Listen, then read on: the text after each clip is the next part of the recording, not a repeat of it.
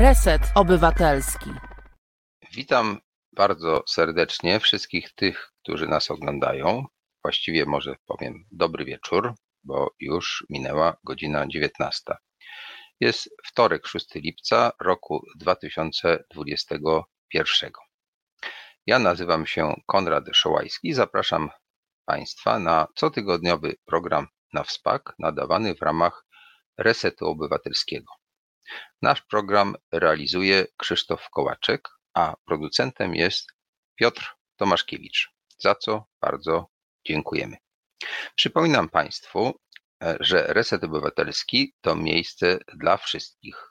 To znaczy dla tych, którzy zadają pytania, mają wątpliwości i chcą się czegoś dowiedzieć i mają wpływ na tworzenie programów, bo pytania służą do tego, żebyśmy potem jakoś się bardziej tutaj e, zachowywali tak, jak oczekujecie, czyli żeby było jeszcze ciekawiej, jeszcze więcej nowych rzeczy i tak dalej. Jeśli Państwu się podoba to, co robimy, to odsyłam na e, zrzutkę. To znaczy chodzi o to, żebyście wpłacali choćby po parę złotych na działalność resetu, no bo tylko tak się przynajmniej na razie utrzymuje. Mogą Państwo być producentami, sponsorami, a wszystko jest napisane, e, można przeczytać. Adres jest taki zrzutka.pl reset obywatelski. E, przepraszam, zrzutka.pl ukośnik z e, ukośnik reset obywatelski. Może tak. Można nas e, znaleźć na Twitterze, na Facebooku. No i zachęcam do lajków, do subskrypcji, do obserwowania i do przekazywania dobrej nowiny, że istniejemy i że ta dobra nowina może odmienić nasz świat. Dzisiejszy temat to, e, czy kobieta jest człowiekiem. E, brzmi tak troszkę pewnie, e, jakby to powiedzieć, mizoginistycznie, ale jakby to ująć inaczej. Wydaje mi się, że pytanie jest zasadne, szczególnie w obecnych czasach, kiedy ogólnopolski strajk kobiet nie tylko istnieje, ale na jesieni wywołał, wywołał, a właściwie y, do pewnego stopnia uformował protesty na ulicach. Teraz dalej istnieje, może w wersji takiej troszkę bardziej kameralnej, ale e, idee, które przyświecały stworzeniu tej organizacji, pozostały i przyczyna też jest. A ta przyczyna to właśnie sytuacja kobiet. I chciałbym, żebyśmy dzisiaj się zastanowili właściwie, jaką pozycję w ludzkości, w obrębie tych miliardów, które zasiedlają naszą planetę, jaką pozycję ma kobieta. Bo kobiet jest ponoć więcej niż mężczyzn, czyli w zasadzie kobiety powinny mieć przewagę. Ale historycznie tak nie było, a i dzisiaj chyba jest tak nie do końca. No to tyle, może tak y, krótko e, wprowadzam w temat, a szczegóły będą później i przedstawię gości. E, może zaczniemy od literatury. E, mamy przedstawicielkę świata literaturoznawczyń i literaturoznawców z Katedry Antropologii, Literatury i Badań Kulturowych Uniwersytetu Jagiellońskiego, dr Joanna Szewczyk. Dobry wieczór, witam Państwa. Y, mamy też drugiego naukowca. Właśnie dzisiaj to są sami naukowcy, tylko jest jedna kobieta, a będzie dwóch naukowców mężczyzn. Profesor Bogusław Pawłowski. Dobry wieczór, witam, witam Państwa. Antropolog, Uniwersytet Wrocławski, znany ze swoich książek i z zainteresowania, e, jakby to powiedzieć, porównywaniem różnych aspektów życia ludzi i zwierząt, a w szczególności seksualności. E, I wreszcie profesor Tadeusz Bartoś, filozof. Dobry wieczór. No dobrze, i teraz tak. E, prawdopodobnie e, zaczniemy od dawnych, dawnych czasów, czyli tak trochę historycznie. I ja albo będę wywoływał do odpowiedzi, albo mogą się Państwo E, zgłaszać. Mianowicie właściwie e, jak to się zaczęło, e, że kobieta no, pojawiła się, tak? To w Biblii gdzieś jest napisane, że to jest taka towarzyszka zrobiona z żebra Adama, czyli to jest taki przydatek. E, I ten przydatek e, przez wiele, wiele wieków mm, nie bardzo mógł zaistnieć jako człowiek w pełni.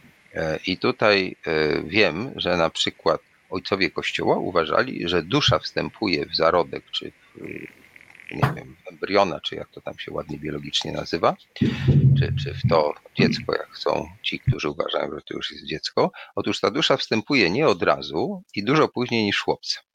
Jak to właściwie było z tą koncepcją e, kobiety e, w kościele? No tutaj chyba na to pytanie odpowie nam e, Tadeusz.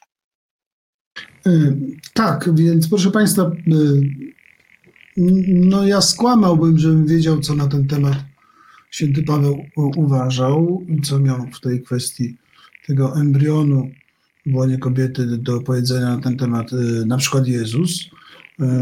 Ale historia chrześcijaństwa to jest historia, umówmy się, Greków od drugiej połowy II wieku to są często bardzo dobrze wykształceni Grecy, Tu są chrześcijanami, ich się później nazywa właśnie, e, to są filozofowie, no, ich się nazywa później e, teologami czy ojcami Kościoła. Natomiast, e, więc każdy z nich mógł się wypowiedzieć, większość zdaje się, że się nie wypowiadała w tej kwestii, dlatego że w tym późnym antyku nie było recepcji Arystotelesa. Recepcja Arystotelesa w sensie takim silnym, znaczącym pojawiła się w średniowieczu chrześcijańskim, no i te teksty, które później stają się, są powtarzane po prostu, bo no, jeśli to komentuje Arystotelesa Albert Wielki albo Tomasz Zakwinu w XIII wieku, to oni, e, e, no to to po prostu jest taki, to jest ważne miejsce, to do tego ludzie wracają przez, przez następne 600 lat wewnątrz katolicyzmu. To jest punkt odniesienia. Jeśli się chcemy czegoś dowiedzieć, przypominam, że nie było internetu i Wikipedii. Więc, y, y, więc tutaj jest powtórzony Arystoteles. I, i, i, no, jeśli chodzi o embrion, embryo, słowo łacińskie, więc tutaj nie ma z tym problemów. To rzeczywiście ta animacja, czyli wejście duszy ludzkiej, to był jakiś okres i dla kobiety było dłużej, nie powiem dokładnie tej liczby, bo tutaj jest duże zamieszanie. Każdy cytuje, każdy podaje trochę inną liczbę, więc to jest pewnie 90 dni, 40 dni to jest mało istotne. Ważne jest, że Arystoteles wiedział, że to jest proces, rozwój płodu i tak to opisywał. Yy, I to, co jest interesujące w tym, to Y, ja z uwagi właśnie na, na te y, nieszczęśliwe dyskusje na ten temat, także jakby takie dosyć osobliwe, historyczne oskarżania Arystotelesa, że to, co on tam zaobserwował, to napisał, że to jest jakaś jego ciężka wina, a później to powtarzali ci średniowieczni teologowie. No oni mieli tę wiedzę biologiczną naprawdę dosyć ubogą, ona była oparta na obserwacji świata przyrody. Niektóre spostrzeżenia były bardzo y, według y, współczesnych przyrodników y, interesujące i trafne, ale no, na pewno nie wszystkie. Więc tutaj to, co jest interesujące już w tej koncepcji takiej mieszaniny biologicznej wiedzy od Arystotelesa plus tego aksjomatu chrześcijańskiego o nieśmiertelności duszy, to jest tekst jak Zakwinu, mamy do czynienia e, z czymś takim, że ten płód się rozwija. Ja, ja już to przetłumaczę na taki język nietechniczny, scholastyczny, nie scholastyczny, techniczny. Ten płód się rozwija i on ma, technicznie mówiąc, duszę wegetatywną najpierw, a mówiąc językiem nietechnicznym, i teraz już będę mówił nietechnicznym, ten płód najpierw ma funkcję wegetatywną, znaczy się odżywia i rośnie. Później ma funkcje sensytywne, to się nazywa dusza y, zmysłowa, czyli zaczyna odbierać bodźce, byśmy dziś powiedzieli, a później, i tu już jest przesłanka teologiczna, czyli nie wzięta nawet z Arystotelesa, y, no, otrzymuje tą właśnie duszę, która ma ten, to jest z innej bajki, z teologii wzięte, nieśmiertelna dusza. Y, to, co jest interesujące, że, że za każdym razem ta poprzednia, w cudzysłowie, dusza, czyli to zostaje jakby zniszczona, a usunięta. najpierw ta wegetatywna zostaje jakby usunięta, później się pojawia ta wegetatywno-zmysłowa usunięta i później to wynika z logiki tej całej analizy, no bo nie może być trzech dusz, bo to jest jedna forma. Nie chcę wchodzić w szczegóły arystotelesowskich rozważań, ale to, co mnie w tym e, e, bawi, jeśli mogę być złośliwy, to to, że tam e, w rozwoju płodu, według Arystotelesa komentowanego przez Tomasza Zakinu, mamy trzy razy, że tak powiem, taki, takie usunięcie, zniesienie i stworzenie nowego jakby poziomu funkcjonowania organizmu. To jest to, co zostało, e, co można wyczytać e, z tekstów Tomasza Zakwinu. To, co później z tym zrobiono wewnątrz teologii, e, czy w ogóle, w ogóle instytucji kościelnej, to jest zupełnie inna historia. Tam sobie dobierano, co komu pasuje. W pewnym momencie pojawił się problem, bardzo niedawno zresztą, pojawiał się problem aborcji w latach 60., problem antykoncepcji i wtedy już zupełnie abstrahując od, od tego przecież niedorozwiniętego, bo z XIII wieku y, jakichś badań z XIII-wiecznych, to, to nie można powiedzieć, że to ma jakikolwiek walor zaktualizowany. No i wtedy się próbowano do tego odnosić, ale w sposób nieumiejętny. To znaczy Kościół katolicki, jeśli o tym mówimy, nigdy nie odniósł się do problemu procesu jako fundamentalnego aspektu rozwoju płodu. To jest proces. To wiedział Arystoteles, ale, ale to To nie wchodźmy, Tadeuszu, Tadeusz, nie wchodźmy już w szczegóły embriologiczne, e, bo chodzi nam o to, żeby znajdować te wątki, które pokazują, że kobiety zawsze miały podgórkę.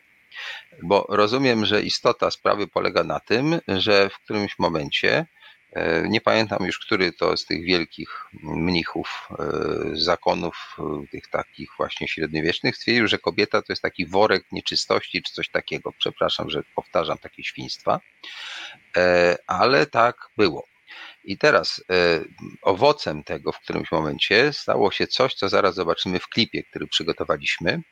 E, jeśli e, pozwolicie, to puścimy ten klip. On jest dosyć długi, ale dość dobrze wprowadza nas mm, w ten klimat prześladowania kobiet, który zresztą ma swoje pozornie racjonalne przyczyny, o których może po obejrzeniu tego materiału porozmawiamy.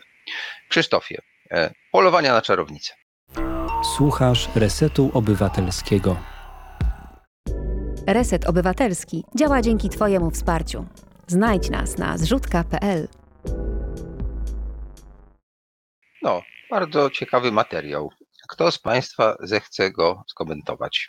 E, czy mam wywołać do tablicy, czy się znajdzie ochotnik?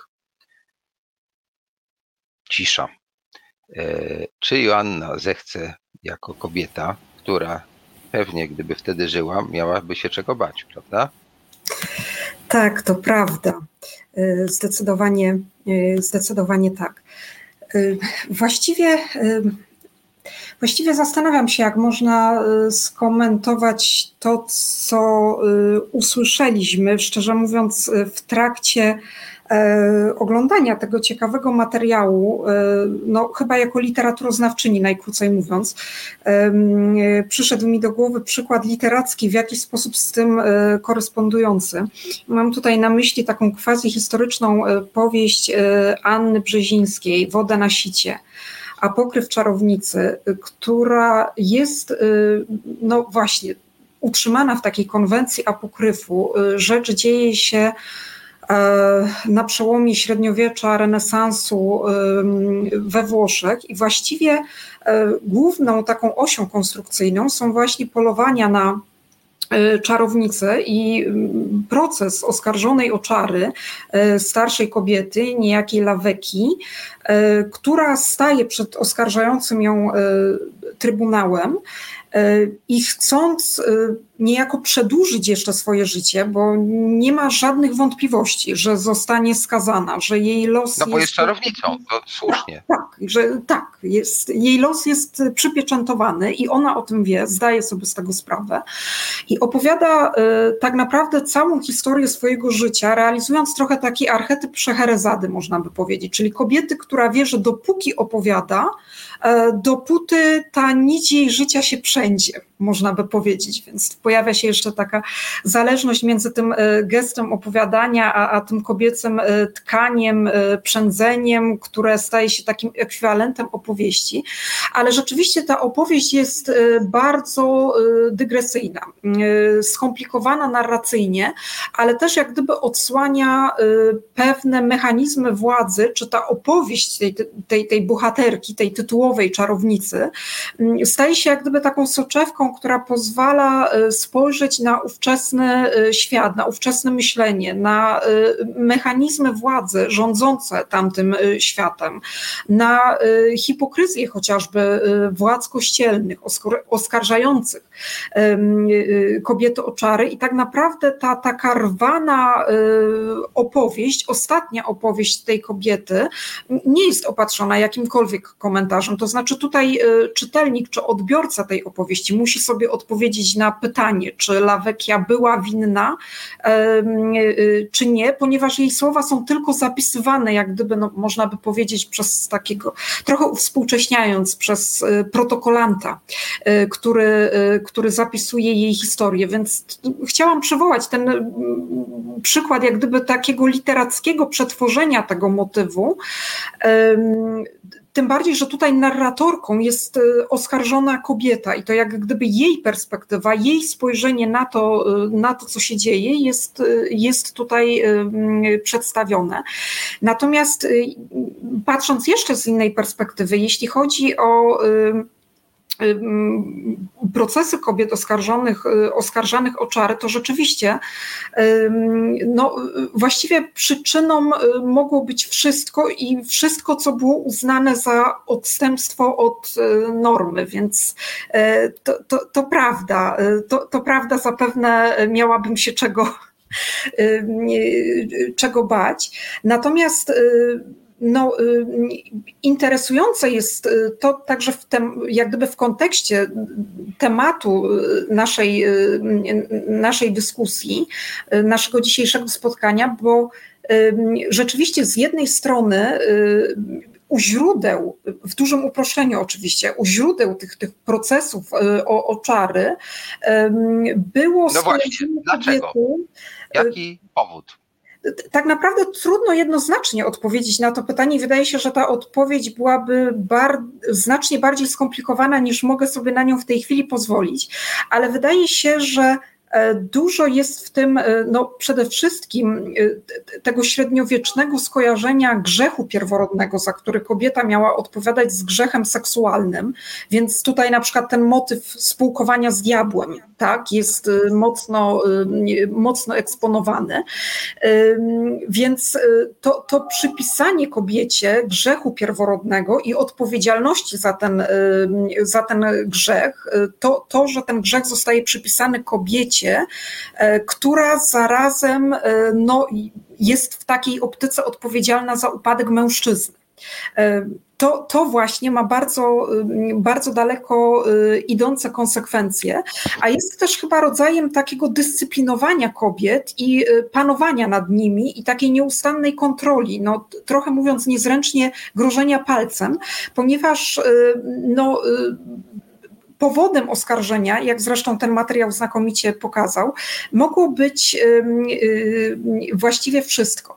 Natomiast, y, żeby jeszcze sięgnąć do tego wątku kobiecej seksualności, to warto też y, spojrzeć na przykład na takie próby XIX-wiecznego, y, już takiego bardziej racjonalnego tłumaczenia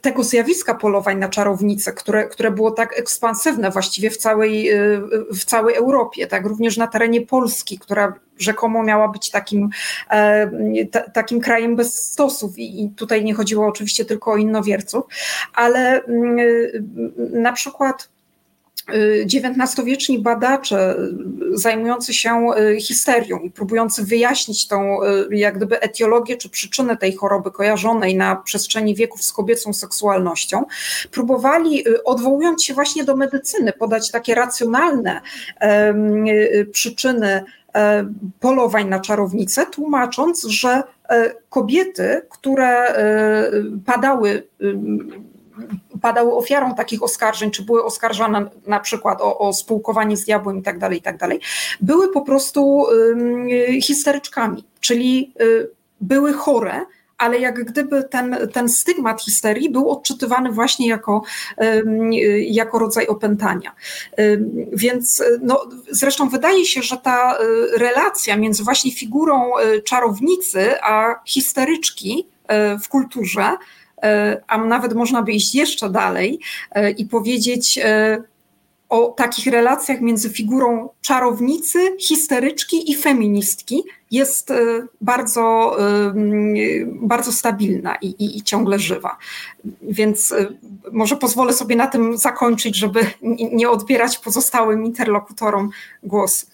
Dobrze, a y, czy któryś z panów powie, jaki był taki ukryty może bardziej racjonalny, chociaż z naszego punktu widzenia dzisiaj to oczywiście też jest y, pewnym no, głębokim nadużyciem. Jaki był ten powód, że prześladowano te kobiety? Poza tymi takimi teologicznymi, że grzech pierworodny, że skusiła, że jabłko i tak dalej. E, zgłasza się Bogusław, czy dobrze widzę? Tak, no, tym razem mogę. Poprzednio y, nie zgłaszałem się, bo ja jako biolog czy antropolog biologiczny. Mogę traktować te opowieści e, jako swoiste aberracje kulturowo-religijne z punktu widzenia naturalisty oczywiście i, i co więcej, tutaj Tadeusz rozpoczął od tego, co się działo u zarania chrześcijaństwa, powiedzmy, to ja właściwie powinienem rozpocząć od tego, kiedy się pojawili w ogóle ludzie, albo jeszcze wcześniej, kiedy się pojawił rozród e, płciowy i niezbędne były do przetrwania gatunku obie płcie, absolutnie równoprawne. Muszę przyznać, że e, sam tytuł dzisiejszego spotkania wydał mi się taką zagadką bardziej lingwistyczną niż, niż poważnym tematem na debatę jakąkolwiek naukową. Dlaczego lingwistyczną? Dlatego, że sobie pomyślałem, że skoro w językach germańskich i romańskich faktycznie e, e, mężczyzna to, to człowiek, no to może chodzi nam o to, że w innych językach, również indoeuropejskich, tak akurat nie jest. Można powiedzieć na szczęście, a to, że men i men to może być zarówno człowiek, jak i mężczyzna, powoduje, czy we francuskim l'homme e, powoduje pewne, e, pewne problemy. Więc myślałem, że będziemy raczej mówić o takich zagadkach lingwistycznych niż nie o poważnych rzeczach. To tak, tak nawiasem. Natomiast wracając do Twojego pytania, mm, e, Konradzie, więc gdybym ja jako biolog miał sobie wyobrazić, skąd wzięły się, powiedzmy sobie, te aberracje natury religijnej, o których tutaj mówimy, prawda, no to Wydaje mi się, że tu głównie chodziło o to, żeby w istocie podporządkować sobie kobiety w taki sposób, żeby były posłuszne pewnym dogmatom religijnym, w których kobieta miała być no, oddana tylko i wyłącznie jednemu mężczyźnie, wierna i posłuszna oczywiście. I wtedy wszystkie te kobiety, które wyłamywały się spoza spoza tego dogmatu, spoza tej roli, powiedzmy sobie, matki e, i żony i, i właściwie służącej i, i, to wszystko, co, co było wymagane wtedy od kobiety posłusznej mężczyźnie, no to były traktowane podejrzliwie, a część z nich niestety przypłaciła to życiem. E, e, szczególnie te kobiety, które wykazywały się pewną niezależnością w myśleniu, albo te kobiety, o której tutaj mówiła Joanna, które, które na przykład mogły mieć taki typ zachowań, powiedzmy sobie, czasami nazywano to, czy można nazwać histerią, ale taki typ zachowań, który y, powodował, że właśnie przeciwstawiały się, że miały swoje zdanie, że, że zachowały się w taki sposób, nie jak, to, nie jak od nich oczekiwano, czyli oczekiwano posłuszeństwa, spokoju, ciszy, wykonywania pewnych poleceń, a nie, nie wiem, gadulstwa, podejmowania decyzji, E, wpływania na innych, próby pokazywania czegoś, że coś potrafią. No i to, to, to pewnie raziło w szczególności różnych e, przedstawicieli Kościoła, ale oczywiście ręka w rękę pewnie nie, nie sprzeciwiali się temu też e, różni mężczyźni, którym powiedzmy sobie tego typu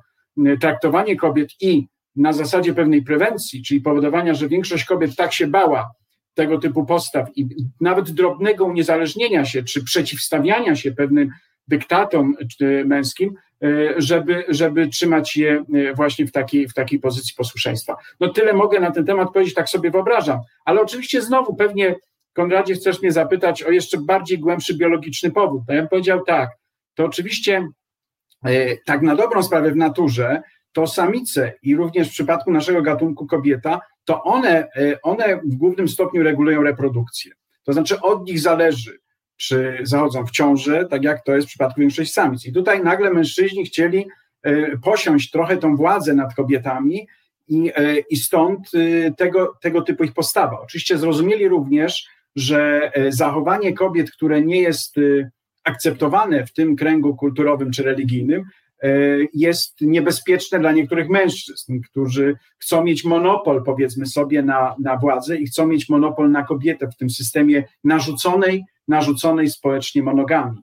I, I wiemy, że w istocie tutaj, jeżeli kobiety zachowują się w taki sposób niestandardowy w tej religii, no to to y, y, poważnie zaburza, zaburza strukturę rodziny, może zaburzyć strukturę rodziny, może y, powodować, że zhańbiony jest mężczyzna. No stąd mówili, przecież pojawiły się te rogi męskie, które, gdzie, gdzie mężczyźni chcąc mieć honor, musieli te żony mocno pilnować. Ja muszę przyznać, że w innych kulturach, jeżeli chodzi o to pilnowanie partnerek czy żon, to jest dosyć powszechne zjawisko. Przecież wiemy, że w kulturze, e, e, w kulturze czy, czy w religii, e, w islamie, no to kobiety właściwie cały czas są pilnowane.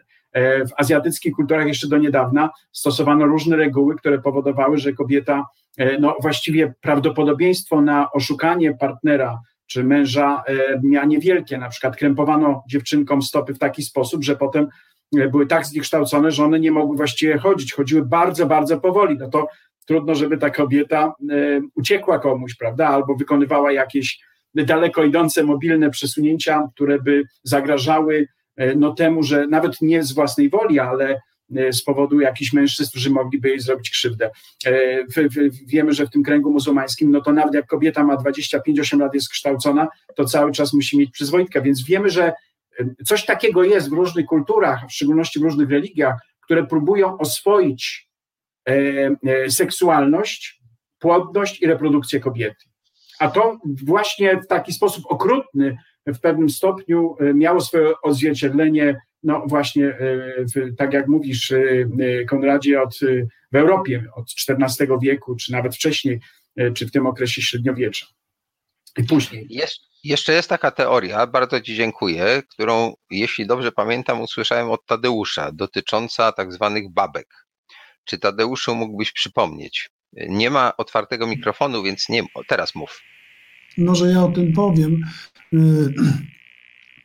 I, i, i jedna kwestia tytułem uzupełnienia. Y, to nasilenie polowań na czarownice to jest okres nowożytności XVI-XVII wiek to nie jest tylko świat katolicki, to jest świat protestancki. Szkocja, y, Witchcraft Act w Wielkiej Brytanii został zmieniony w 1951 roku. W 1944 na 9 miesięcy kobieta poszła jako medium do więzienia na 9 miesięcy. To jest świat nowożytny, nie staro, nie, niekoniecznie, to nie, średniowieczny, chociaż ze średniowiecza to wychodzi, ale to jest świat nowożytny, i, i, no i teraz jaką funkcję ten, to co pan profesor Bogusław Pałowski powiedział, to można rozwinąć. Ja to wyczytałem w książce e, takiego znanego niemieckiego filozofa Petera Sloterdijka. On niestety nie daje przypisu, skąd on to wziął, a przecież nawet filozof wszystkiego nie wie sam z siebie, tylko gdzieś to przeczytał więc, więc mogę tylko tak pośredniczyć w przekazie tej informacji. Natomiast no, rzecz polega na tym, że XVI-XVII wiek jest interpretowany w tej interpretacji jako polowanie na kobiety, które zwykle nazywa się akuszerkami, babkami. Krótko mówiąc, według interpretacji Sloterdaka, ona jest taka ogólna, trochę eseistyczna, publicystyczna. Chodziło o niespotykane wcześniej niespotykane wcześniej wdarcie się w XV-XVI wieku w taki mini prywatny matriarchat kobiet, który był zawsze w starożytnej Grecji, w islamie, w islamie nie wiem, czy nie odpowiadam, ale w starożytnej Grecji i w chrześcijaństwie i w średniowieczu, że te kwestie dookoła porodowe, poczęcia, laktacji i te inne rzeczy, to był świat kobiet. Tam facetów w ogóle nie było. w związku także tym oczywiście kontrola. Kontrola ilości dzieci. Mamy w XVI wieku nagłą eksplozję demograficzną, związaną według tej interpretacji z, e, z po prostu likwidacją tego, tej, tej wiedzy, dziś powiedzmy położniczej, wiedzy związanej z unikaniem czy przerywaniem ciąży. A, no, a funkcja taka społeczno-polityczna była taka, że nie wiadomo, co jest przyczyną, co skutkiem, no ale wtedy Europa wyjeżdżała y, podbijać cały świat i potrzebowała mnóstwa ludzi. Być może to jest przyczyną to, że było za dużo tych dzieci. Y, jeszcze w XIX wieku zwykła szwajcarska rodzina, która Szwajcaria była skrajnie biednym krajem, miała po dziewięć dzieci, oni po prostu musieli wyjechać, bo nie było z czego żyć. I to, i, i to, jest, ta, to, jest, to jest ta sytuacja. Wdacie się ten system patriarch, Y, matriarchatu, y, tak, tak zwanego jakby częściowego, lokalnego matriarchatu, ograniczonego właśnie do tej kwestii. Y, a kończąc to tytułem, może, a to nie są moje, moje specjal, specjalności, ale tytułem e, takiej, takiej ubarwienia tego, czy też do, do powiedzenia, no, według badaczy w ostatnich 20, w ostatnich kilku latach funkcjonowania szympansów w Afryce Środkowej regulację tego, ile ma być dzieci w, takiej, w takim stadzie szympansów, to jest funkcja e, żeńska. I to jest już sprawdzone w sensie, że posłano to do Londynu i zbadano w laboratoriach. Samice jedzą pewien rodzaj tych gałęzi jeśli widzą, że jest za dużo tych dzieci, bo to jest ta liczba... Taka antykoncepcja y, u szympansów. Tak, no i wtedy one nie zachodzą w ciążę. Jak widzą, że jest za mało, co też jest zagrożeniem dla, sta, dla stada, jedzą wzmacniające płodność, co jest już sprawdzone w ostatnich kilku latach naukowo. Więc ta rola kontroli płodności była zawsze jeśli mówimy o patriarchacie, to możemy już tak publicystycznie ogólniając, mamy ekspansję, ekscesję, przerażającą ekscesję patriarchatu w nowożytności do totalnej kontroli kobiet. Yy, no i to dziś także funkcjonuje w tych ruchach różnego rodzaju antyaborcjonistycznych. To jest, to jest na jednej linii totalnego wejścia tam, gdzie nigdy faceci nie zaglądali. Czyli rozumiem, że w XVI wieku pojawiło się takie pro ordo juris, które wprowadziło porządek w tej sprawie i się, mm, że tak, tak powiem, przyczyny, ograniczyło. Mogły być różne, to jest złożone, ja się na tym nie znam. Czyli e, procesy o czary były wcześniej, w średniowieczu, ale eks, eks, ekspansja ich, zwiększenie się, mogą być inne przyczyny. Ja mogę się pojawiać na jeden paragraf, a mieć powody inne i tak dalej. Więc to jest dla specjalistów od, od tej epoki rzecz do zbadania, historyków. To jeszcze może do tego wrócimy, ale widziałem, że Joanna się zgłaszała, w związku z czym oddaję Ci głos. Y, bardzo dziękuję. Y, ja tak trochę ad vocem wypowiedzi moich y, poprzedników, które były bardzo ciekawe, z którymi się w pełni zgadzam i którym tutaj intensywnie y, potakiwałam. I rzeczywiście y, chciałam się odnieść do tytułu naszego spotkania, który wydawać mi się mogło jest taki mocno prowokujący, ale tak naprawdę jest bardzo zasadny. Dlatego, że. Dziękuję. Właśnie starałem się taki wybrać.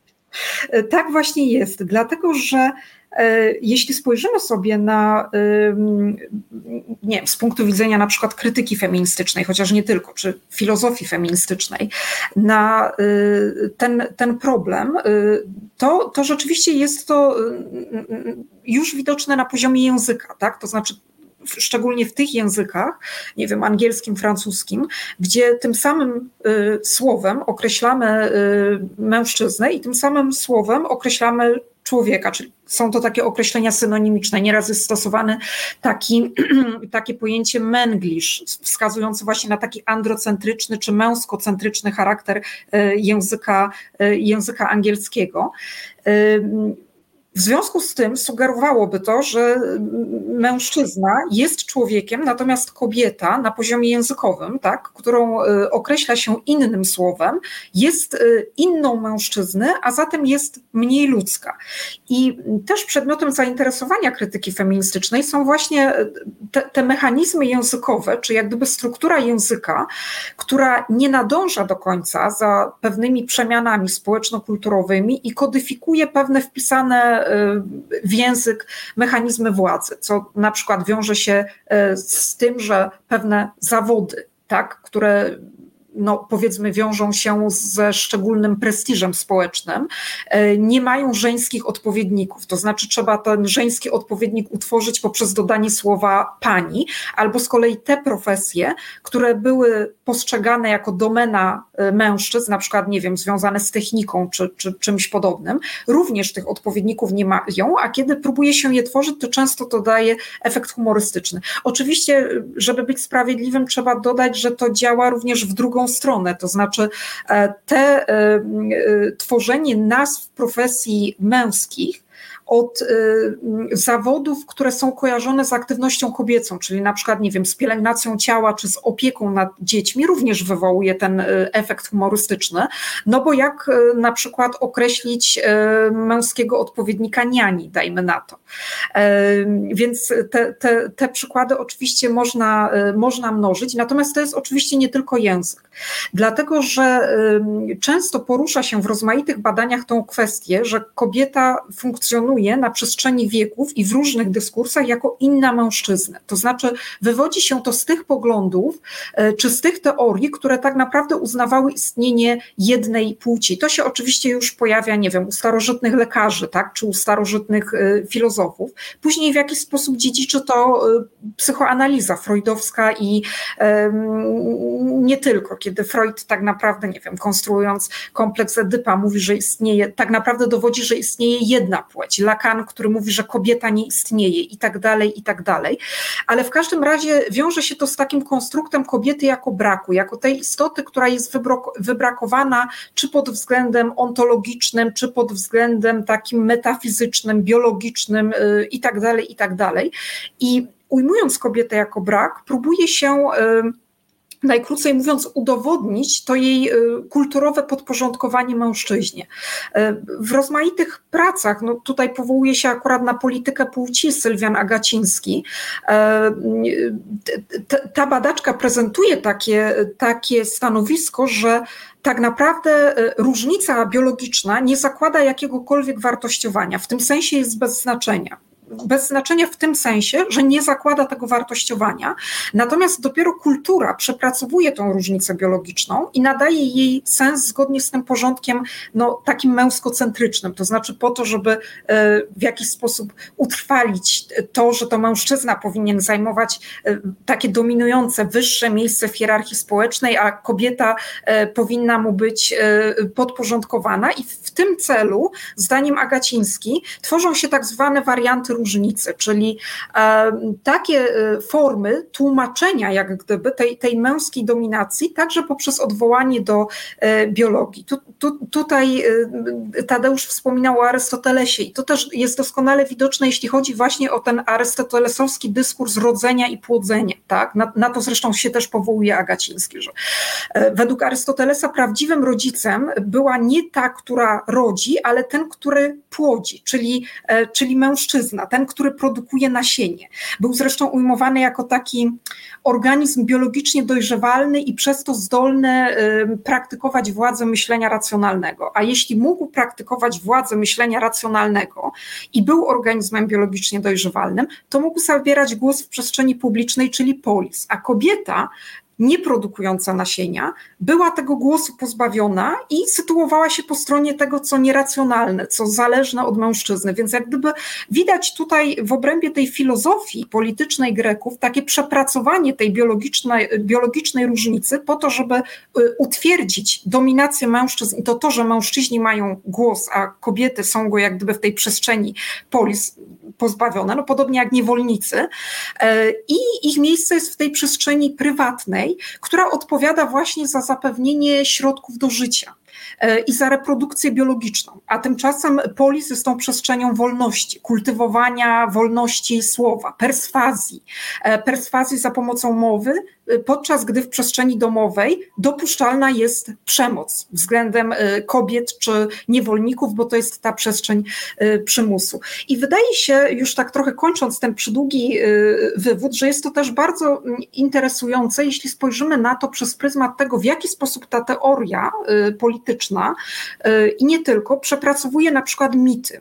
Y, te mity, które dotyczą właśnie tych kobiecych zdolności twórczych, czyli tego, że to kobieta, wydając na świat dziecko, jest twórcza na płaszczyźnie życia i tą jej zdolność mężczyźni chcą w jakiś sposób kontrolować czy sobie zawłaszczyć. No trochę tak jak się to dzieje w przypadku Arystotelesa, tak, który traktuje kobiety trochę jak takie naczynie na dziecko, tak, które dostarcza tylko jak gdyby takiej um, formy, podczas gdy to mężczyzna dostarcza tej materii stwarzającej, można by powiedzieć. I rzeczywiście, jeśli spojrzymy sobie na te mity, e, które na przykład na mity greckie czy rzymskie, które stopniowo e, eliminują rolę e, bóstw kobiecych, na przykład Moir, tych bogin przeznaczenia, którym byli podporządkowani inni bogowie. I stopniowo te postaci znikają na rzecz tego panteonu olimpijskiego, na czele którego są męscy. E, bogowie, tak, nie wiem, Zeus, e, ojciec Ateny, która, bogini mądrości, która rzekomo rodzi się z jego głowy, e, tak, a zatem tutaj matka jest zupełnie niepotrzebna, mimo że na przykład Hezjot pisze, że Atena miała matkę, której Zeus się obawiał i dlatego ją połknął, więc jak gdyby wydaje się, że to jest takie, takie bardzo ciekawe i tak samo, to, to, to jeszcze tak kończąc ten, ten wątek, można by to odnieść do, do tego, w jaki sposób traktuje się e, chociażby kwestie e, porodów.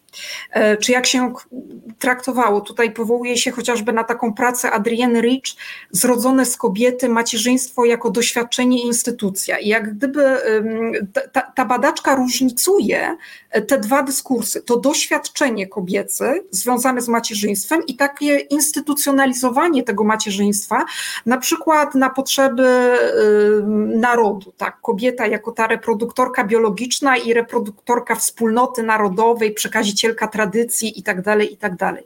I mm, ona zwróciła między innymi uwagę na to, że no właśnie, e, jak gdyby porody i ta wiedza z tym związana była domeną e, kobiet. Zresztą no, mężczyźni traktowali to jako coś nieczystego.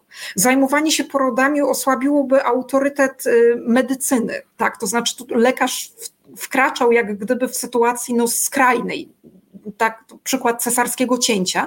Natomiast to była taka właśnie wspólnota mm, czy kultura kobiet, które wzajemnie sobie pomagały, e, które pomagały położnicy, które e, opiekowały się nią i jej dzieckiem w tym pierwszym okresie e, połogu, które wspomagały ją wiedzą i rzeczywiście tutaj dominującą rolę odgrywały akuszerki, które przekazywały swoją wiedzę tak z pokolenia na pokolenie. Natomiast w momencie, kiedy pojawiają się takie no, wynalazki czy narzędzia medyczne, które mają y, usprawnić poród, na przykład, nie wiem, y, kleszcze porodowe, to wtedy jak gdyby wkracza trochę ten męski autorytet i to, że y, jak gdyby te porody się medykalizują, że odbywają się, zaczynają się odbywać w szpitalu, a nie już w tej przestrzeni domowej i te, te akuszerki, które miały olbrzymią wiedzę, zostają tak naprawdę zdyskredytowane jako takie zacofane, najkrócej mówiąc, po to, żeby mogły jak gdyby oddać te, ten przywilej zarządzania y, porodem mężczyźnie.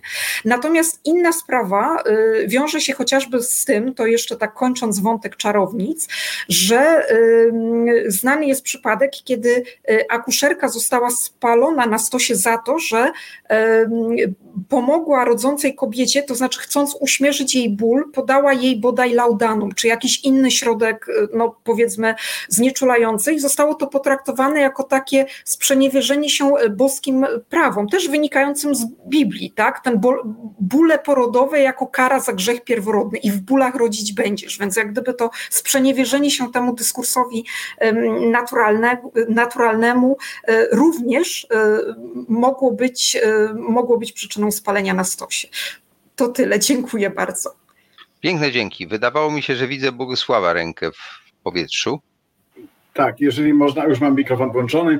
E, ja na początku użyłem takiego określenia aberracje kulturowo-religijne i powiedziałbym, że różne te opowiastki, o których tutaj Anna mówiła, to też są takie nakładki kulturowe, gdzie my tam sobie coś wyjaśniamy, rzeczy, o których nie mamy pojęcia, czy ci filozofowie nie mieli pojęcia. Ja powiem tak, to mężczyzn trzeba humanizować, a nie kobiety.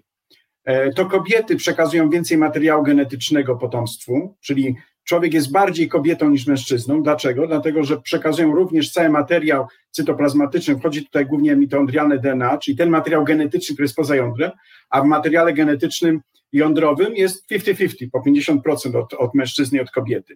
To wiemy świetnie e, z różnych sytuacji tragicznych, że kobiety ratujemy. Przykład Titanika jest e, chyba najbardziej znany, ale normalnie każda populacja dba przede wszystkim o kobiety, bo to jest najistotniejsze, bo to jest wąskie gardło ewentualnie wzrostu populacji. Bo jeżeli mamy 10 mężczyzn, jedną kobietę, to ile może się dzieci urodzić w ciągu roku czy dwóch? Jeżeli mamy 10 kobiet, jednego mężczyzny, to możemy mieć tych dzieci dziesięciokrotnie więcej. Więc kobieta jest najważniejszą istotą ludzką. I tak jak mówię, mężczyzn trzeba humanizować i trzeba humanizować, dlatego że to oni są bardziej dzicy, zachowują się o wiele bardziej w podobny sposób do szympansów, mają mniej empatii, mamy, mają mniej różnych takich cech, które są związane z procesem humanizacji.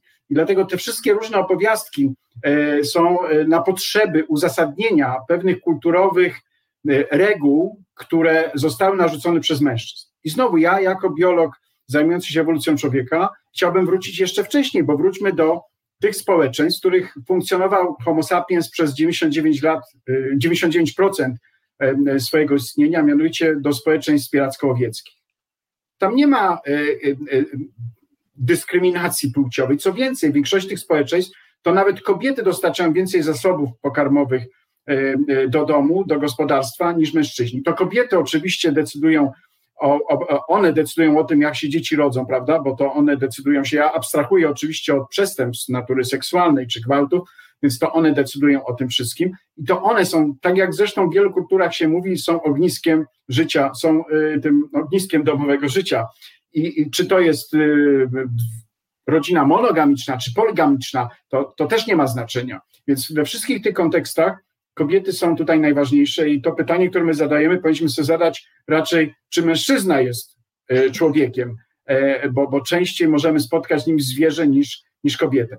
I e, mówiąc o tym, zwrócę Państwu uwagę, że te, te różnice międzypłciowe, one się narodziły w, w szczególności w momencie, kiedy doszło do zmiany gospodarki z gospodarki tak zwanej przyswajalnej, czyli właśnie to zwieractwo, łowiectwo, na gospodarkę wytwórczą, czyli pojawia się kopieniarstwo, rolnictwo. Okazuje się, że wtedy, żeby mieć zasoby, e, no to e, nagle ta wytrzymałość i siła, e, bo oczywiście mniejsi mężczyźni mają więcej, jeżeli chodzi o kilogram, o kilogramy i zaczęła być istotna. I oni zaczęli wtedy dostarczać więcej zasobów do rodziny. To od ich intensywnej pracy, ciężkiej pracy zależało często, czy rodzina przeżyje, czy przetrwa. I tutaj zaczyna się e, dopiero ten proces dominacji mężczyzn nad kobietami. I musimy sobie to w takiej perspektywie dłuższej to wyobrazić, i w związku z tym pojawia się też problem taki, że mężczyźni intensywnie pracujący, utrzymujący e, swoje dzieci również, swoją partnerkę, no chcą mieć gwarancję, e, bo ci będą preferowani ewolucyjnie, że to są ich dzieci, prawda? Czyli chcą mieć wyłączność, wyłączność reprodukcyjną albo pewność ojcostwa. I my wiemy, że są kultury czy społeczeństwa, w których jeżeli pewność ojczostwa spada poniżej 70%, no to nagle mężczyźni nie zajmują się, nie inwestują w dzieci swoich żon, tylko inwestują w dzieci swoich sióstr. E, czyli widzimy, że ten interes genetyczny jest tutaj oczywiście, oczywiście bardzo ważny. Więc może ja, żeby nie przedłużać, e, zwrócę Państwu uwagę na to, że trzeba mężczyzn hominizować bardziej niż kobiety. Jeszcze może przy okazji nasuwa mi się coś takiego, że jak Państwo wiecie, często mówi się o tym, że człowiek, jeżeli zachowuje się w jakiś sposób, no bardzo na przykład okrutny, to mówi się, że to jest zezwierzęcenie. E, dla mnie to jest jakiś, jakiś absurd kompletny, bo zwierzęta się w taki sposób nie za, z, zachowują. Jeżeli wykonujemy, dokonujemy jakichś bardzo makabrycznych zachowań, bardzo okrutnych, to to jest właśnie, ja bym powiedział, uczłowieczenie. Czyli nie zrzucajmy na, na zwierzęcą naturę e, e, tych najgorszych uczynków tego gatunku, które zresztą są przede wszystkim udziałem właśnie tej mniej humanizowanej części ludzkości, czyli właśnie mężczyzn. Tylko, tylko powiedzmy sobie otwarcie, że na wskutek różnych procesów ewolucyjnych mężczyźni stali się tacy, jacy są, a, a kobiety są tym czonem, czonem ludzkości i, i zawsze tak będzie. No, ja abstrahuję od możliwości prowadzenia różnych sztucznych sposobów kontroli, kontroli rozrodu, ale to nie na ten temat tutaj mówimy. Dobrze, to ja oczywiście zgadzam się z tym, że mężczyźni bywają zwierzętami i że kobiety, tak jak ja to ująłem, wcale nie są gorsze, a nawet jak widać z Twojego tutaj wywodu, w jakimś sensie są no, niezbędne bardziej niż mężczyźni. Jak widać w filmie Seksmisja Machulskiego, to nawet można świat urządzić samych kobiet. Trudno urządzić świat samych mężczyzn. To raczej jest więzienie i raczej nie ma tam dzieci. A jakoś tam te kobiety zapłodnić pewnie by się dało nawet bez mężczyzn. Chcesz uzupełnić? ja tylko uzupełnię, co więcej, zwróćcie uwagę, że nie tylko człowieka, ale u innych zwierząt naczelnych również, czyli na przykład u, u, u małp, jest tak, że jeżeli mamy populację, która ma zgodnie funkcjonować, to stosunek płci musi tak być skonstruowany, żeby było więcej płci żeńskiej niż płci męskiej. Jeżeli ten proporcja się ulegnie zachwianiu, jest za dużo osobników płci męskiej, to dochodzi do zbyt dużego natężenia agresji i e, z reguły w jakiejś, jakiejś formy destrukcji czy, e, czy, czy zmiany jakichś populacyjnych czy, czy rewolucyjnych, rozpadu takiej, takiej społeczności. Przy czym biolodzy zwracają uwagę, proszę pamiętać również o tym, zwracają nie tylko i wyłącznie na tak zwany prosty stosunek płci, ale tak zwany operacyjny stosunek płci u szympansa w szczególności. Ten operacyjny stosunek płci polega na tym, że nie jest tak, że wystarczy pięć samic i pięciu samców, bo z tych pięciu samic dwie będą w ciąży, dwie będą karmić, a tylko jedna będzie płodna, więc de facto musi być ich więcej, żeby ten operacyjny stosunek płci pod względem reprodukcyjnym był wystarczająco stabilny, żeby populacja e, zachowała, e, zachowała ten status quo. Czyli harem, y, w którym są kobiety w takiej ilości większej niż, nie wiem, dwoje, tro, dwie, trzy, jest wynalazkiem, który wydaje się całkiem rozsądny z tego punktu widzenia, tak? No bo ten no. jeden mężczyzna może obsłużyć te wszystkie panie, e, a gdyby była jedna kobieta i cały tłum mężczyzn, to niewiele by z tego wynikło. Zgadza się, tylko że w takich populacjach istnieją dosyć ostre e, formy rywalizacji między mężczyznami, dosyć ostra stratyfikacja, hierarchie i tak dalej, więc musimy o tym pamiętać. A równocześnie pamiętajmy o tym, że według tak zwanego, tak, tak, tak znanego Atlasu Mardoka, gdzie, e, gdzie są informacje o ponad 870 różnych społeczeństwach, różnych kulturach, okazuje się, że w ponad 80% kultur na tej e, naszej planecie E, jest dopuszczona poligynia, czyli e, jest dopuszczone wielożeństwo, a tylko w kilkunastu jest no, zabronione, przynajmniej, przynajmniej no, kulturowo czy społecznie.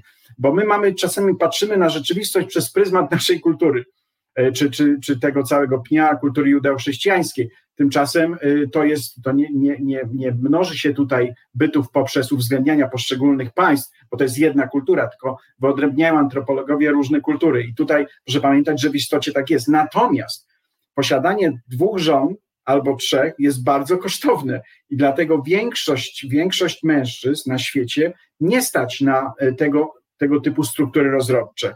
E, I nawet jeżeli w różnych społecznościach dopuszczalna jest taka struktura rodziny, że jest jeden mężczyzna, który ma dwie czy trzy żony, to takich mężczyzn jest naprawdę bardzo niewielu. To są, można powiedzieć, wybrańcy, którzy z jakichś powodów zasłużyli sobie na to w ten sposób, że te kobiety, bo to nie jest tak, że oni w jakiś sposób zniewalają te kobiety. Te kobiety w niektórych społeczeństwach wolą być trzecią żoną mężczyzny, który jest w stanie im zabezpieczyć te, te, te aspekty bezpieczeństwa ekonomicznego, powiedzmy sobie, dla niej i dzieci, niż być jedyną żoną kogoś, kto niestety nie radzi sobie w życiu i nie jest w stanie e, opiekować się ani nią, ani swoimi dziećmi.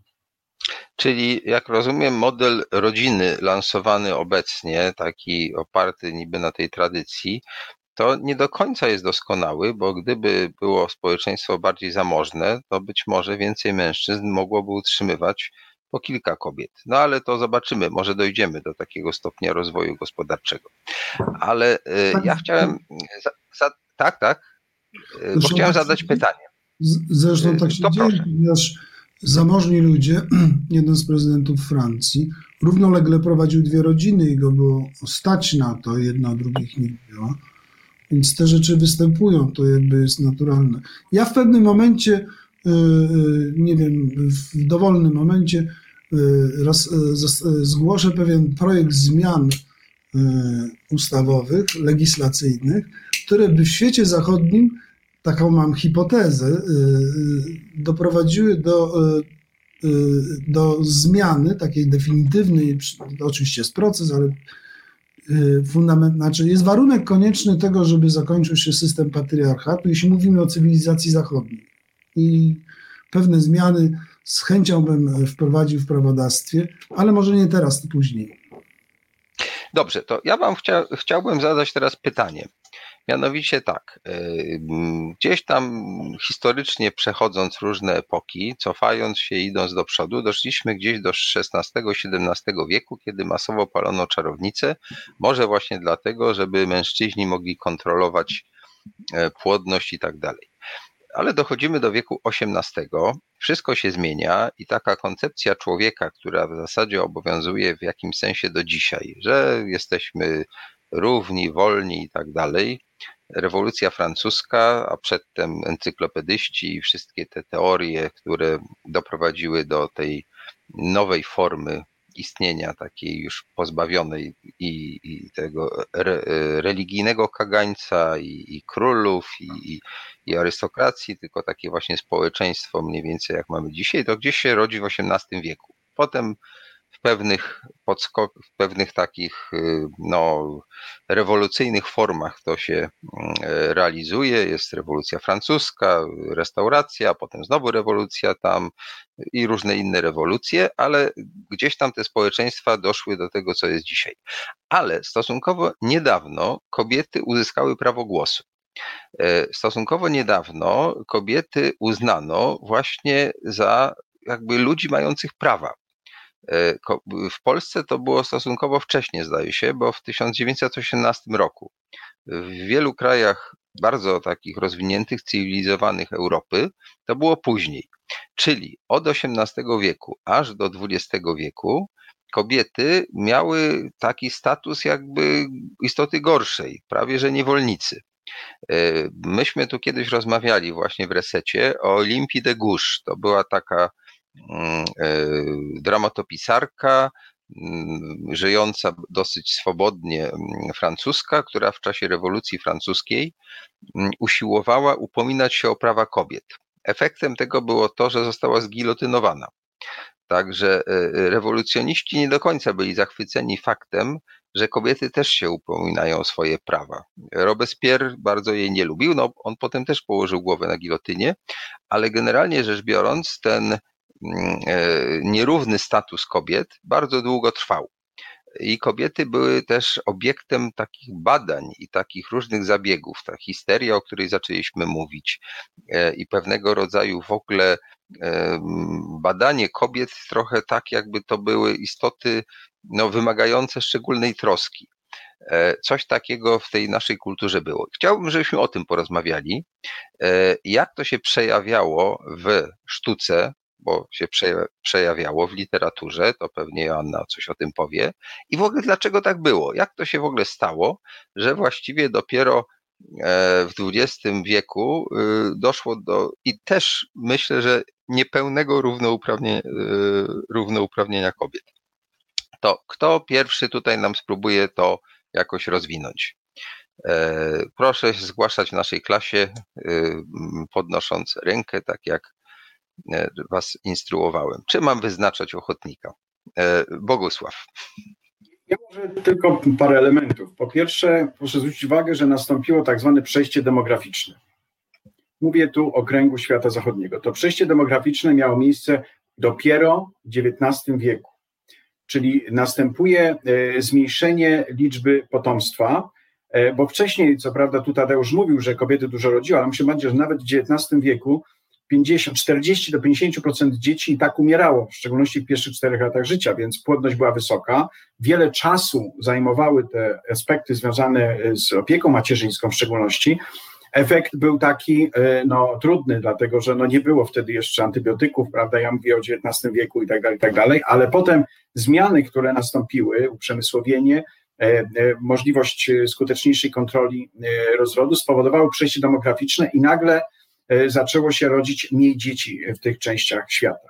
To był taki efekt, który spowodował, że kobiety e, miały więcej czasu, bo proszę pamiętać, że te różnice międzypłciowe, one w dużym stopniu, które miały miejsce prędzej, również one wynikają e, z tych różnic reprodukcyjnych, no bo jednak ciąża, e, laktacja, która trwa dwa lata nawet, półtora, dwa, potem następna ciąża, powodowały, że kobiety były jednak w pewnym sensie miały mniej czasu na życie społeczne. To jest budżet czasowy. U małp tak samo jest. Jak małpa nie ma, nie karmi, nie ma dziecka, to ona spędza dużo czasu z innymi małpami, prawda? Towarzysko, można powiedzieć. Nagle jak ma dziecko, to musi przerekonstruować budżet czasowy, musi więcej jeść, musi spędzać dużo czasu z dzieckiem i w związku z tym, e, a gdzie może zaoszczędzić? Nie może zaoszczędzić na jedzeniu, bo potrzebuje więcej energii, więc jedyna, e, jedyny budżet, a ten aspekt budżetu czasowego dziennego, na którym może zaoszczędzić, to są właśnie interakcje z innymi osobnikami dorosłymi. Mamy tutaj ten sam problem. W związku z tym proszę zwrócić uwagę, że kobiety nie, edukowa- nie były edukowane.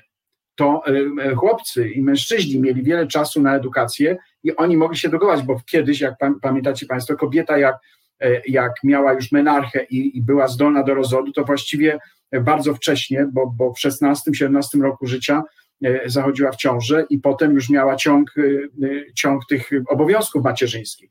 I, i to, to był ten e, problem prawdopodobnie, który spowodował, że ta nierównowaga poziomu wykształcenia wcześniej powodowała, że mężczyźni czuli się e, jakby mm, e, dominantami i, i czuli się jakby lepsi od kobiet, bo mieli, bo mieli tą wiedzę. Natomiast potem to przejście demograficzne dało więcej czasu i powoli coraz więcej kobiet zaczęło wchodzić w te wszystkie procesy edukacyjne i zaczęły się zmiany. Te zmiany były stosunkowo powolne, proszę pamiętać, ale e, chciałem zwrócić uwagę na ten element, bo, bo, bo musimy o tym pamiętać, skąd się, to, e, skąd się wzięły te różnice i dlaczego one zaczynają niknąć. I w momencie, kiedy mamy już e, nawet mniejszy, proszę zwrócić uwagę, przyrost naturalny, ujemny wręcz, gdzie coraz więcej kobiet nie, nie dźwiga tego obowiązku macierzyństwa, no to mamy coraz wyższy poziom emancypacji, bo automat, automatycznie mogą poświęcić tyle samo czasu, co mężczyźni na te procesy na przykład edukacyjne i stają się absolutnie równoprawnym partnerem w tych kwestiach, które kiedyś decydowały o tym, e, co się dzieje w społeczeństwie. I, i co było w pewnym sensie pod dyktando oczywiście mężczyzn. To tyle na razie. Dziękuję. Czyli z tego by wynikało, że w naturalny sposób kobiety zostały upośledzone prawnie, tak? Że to jest jak gdyby nie jakaś taka straszliwa niesprawiedliwość, tylko w pewnym sensie e, praktyczny wniosek wyciągnięty z sytuacji zastanej. No skoro kobiety musiały zajmować się tymi dziećmi i nie miały czasu na nic innego, no to też nie miały może głowy do polityki, tak? A dzisiaj jakoby już mają. Ale... Trochę tak, ale jeszcze jest jeden element, o którym nie wspomniałem. Proszę pamiętać o tym, że mężczyźni były duże, duże poziomy rywalizacji między różnymi grupami mężczyzn, zresztą potem no, wojny i tak dalej. W związku z tym mężczyźni mieli, i to dzisiejsze badania też pokazują, byli bardziej skłonni do nawiązywania ścisłych relacji z innymi mężczyznami. Bo to było taki na zasadzie brothers in arms często. W związku z tym to rodziło takie struktury solidarne mężczyzn, którzy mieli też większy wpływ na to, co się działo. Nawet dzisiaj badania pokazują, że jak są zdjęcia profilowe na Facebookach czy innych, to o wiele częściej mężczyźni na tych zdjęciach umieszczają grupy, jakiś zespół piłkarski, zespół muzyczny. Kobiety częściej występują same z przyjaciółką albo z partnerem. To, to, to oczywiście taki drobiazg, ale są też takie ciekawe badania, które pokazują, że ta skłonność do, do, do silnych interakcji między mężczyznami, zawiązywania tych sojuszy, które są ważne w rywalizacji, w szczególności z innymi mężczyznami, którzy też tworzą sojusze, one w jakiś sposób ewolucyjnie napędzały to, że oni mieli większą e, siłę przebicia również w tym kontekście społecznym. Y, Joanno, to te, Tobie bardzo dziękuję, ale zachęcam oczywiście do komentowania, bo Twoja wiedza jest tak rozległa, że właściwie w każdej sprawie możesz nam tutaj pomóc, Bogusławie. Natomiast chcę Cię, Joanno, dopytać, jeśli mogłabyś tak w sposób syntetyczny i możliwie skrótowy, bo mamy jeszcze parę rzeczy, o których chcemy porozmawiać, powiedzieć, jak to wyglądało w literaturze. Ja kiedyś, dawno, dawno temu, studiowałem polonistykę i czytałem mnóstwo różnych starych powieści. Teraz czasem czytam nowsze. I jasno z tego wynika, że literatura w pewnym sensie jest odbiciem rzeczywistości jakby zapisuje to, co widać, ale też jest też takim zespołem postulatów, jak być powinno, prawda? Ma te dwie funkcje przynajmniej, pewnie ma więcej, ale można tutaj wskazać te dwie. Więc jakbyś mogła powiedzieć, jak wyglądała ewolucja sylwetki kobiety i w sensie takim e, no, y, zapisu tego, co rzeczywiście było, i w sensie pewnego rodzaju takiej wizji, co by być mogło. No bo to się niewątpliwie zmieniło w ciągu ostatnich 150 czy 200 lat, odkąd powieści są takim lustrem naszego świata. To jest bardzo rozległy temat. Zastanawiam się, e, jak go właściwie tak e, skrótowo e, ująć. Może zanim coś powiem na ten temat, to wspomnę tylko, że bardzo się cieszę, że zostało tutaj przywołane nazwisko Olimpii de bo rzeczywiście ten chociażby stworzony przez nią projekt, uznany za obrazoburczy Deklaracji Praw Kobiety i Obywatelki, Y, niejako na kontrze y, wobec deklaracji praw człowieka i obywatela, który y, no, kobiet nie uwzględniał. Jest tutaj bardzo, bardzo interesujący, no podobnie jak to jest stwierdzenie, że jeśli kobieta ma prawo wstąpić na szubienicę, to powinna mieć też prawo wstąpić na mównicę. No, wiemy, że e, o ile prawo wstąpienia na szafot e, posiadała, o tyle prawo zabrania głosu nie było jej dane. Maria Janion, profesor Maria Janion to tak skwitowała w jednym ze swoich tekstów. Uciąć głowę, a nie dać się wypowiedzieć, najkrócej, najkrócej mówiąc. Rzeczywiście ja z wielkim zainteresowaniem e, słuchałam wypowiedzi Bogusława i rzeczywiście e, w większej części się z nią zgadzam, natomiast no, jednak nie sprowadzałabym tak esencjalistycznie tylko do kwestii biologii tej sytuacji kobiet, bo oczywiście jest, jest kwestią e, niewątpliwą, że na przykład takie istotne wynalazki powiedzmy dla kobiet, jak nie wiem, wynalezienie e, pigułki antykoncepcyjnej, tak, co stało się też jak gdyby no, przyczyną, tak, czy jednym z, jednym z czynników rewolucji seksualnej i tego, że chociażby ta seksualność e, kobiety nie była już silnie powiązana z prokreacją, no też stało się przyczyną takiej rosnącej emancypacji kobiet, ale na to jednak miał wpływ też e, szereg innych, e, innych zjawisk, bo na przykład fakt, że kobiety coraz e, aktywniej wkraczają na scenę publiczną po I wojnie światowej, to było chociażby, czy w okresie I wojny światowej właściwie, było spowodowane no, tym niedoborem mężczyzn, którzy po prostu walczyli. Kobiety też wkraczały, trochę zajmując ich stanowiska, tak, w te, w te sfery, które były im, które były im niejako, niejako wzbronione. Więc y, rzeczywiście cała ta historia y, też związana z y, uzyskaniem czy z walką kobiet, tych pierwszych feministek czy sufrażystek przede wszystkim o prawo głosu, ale też o prawo do wykształcenia, bo to było bardzo, e, e, bardzo mocno e, ze sobą powiązane. Jest bardzo interesująca. Ja ze swojej strony, jeśli mogę, to chciałam wszystkim zainteresowanym polecić bardzo interesujący reportaż, który ja określam jako historyczny. Reportaż Olgi Wiechnik, Posełki, Osiem pierwszych kobiet, który traktował o czy dotyczył, y, no właśnie, y, ośmiu pierwszych posłanek, które weszły do y, Sejmu Ustawodawczego po odzyskaniu przez Polskę niepodległości, które wywodziły się z bardzo różnych środowisk i autorka tego reportażu jak gdyby rekonstruuje ich, rekonstruuje ich historię. To, to jakie obciążenia te kobiety musiały niejako przełamać czy przezwyciężyć, e, chociażby po to, żeby zabrać głos e, publicznie, e, tak, w gronie zdominowanym przez mężczyzn i też zwraca uwagę między innymi na takie podwójne standardy związane na przykład z tym, że aktywność polityczna mężczyzny była czymś oczywistym. Tutaj ona w ten sposób interpretuje kazus małżeństwa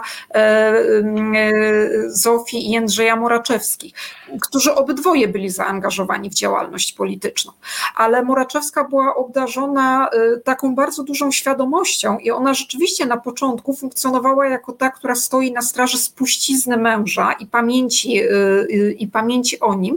Natomiast w którymś momencie zdała sobie sprawę, że jeśli ona w swoich zapiskach prywatnych nie uwieczni jak gdyby historii swojej działalności politycznej, swojej, swojej y, aktywności, to nikt za nią tego nie zrobi i to będzie skazane na zapomnienie. I między innymi pojawia się tam w tych jej refleksjach taka gorzka uwaga, że jeżeli na przykład y, dzieci tego małżeństwa by się wykoleiły, mówiąc tak kolokwialnie, to wtedy odpowiedzialność spadnie na kobietę, czyli na nią, jako tą, która zamiast e, dbać o e, mir w tym domowym ognisku i zajmować się wychowywaniem dzieci, zajmowała się działalnością publiczną, czy wkroczyła na tą sferę, e, wkroczyła w obszar tej sfery, sfery publicznej, natomiast nikt nie oskarżałby o to, o to niepowodzenie Moraczewskiego jako, jako męża stanu, więc to, to tylko jako takie dopowiedzenie.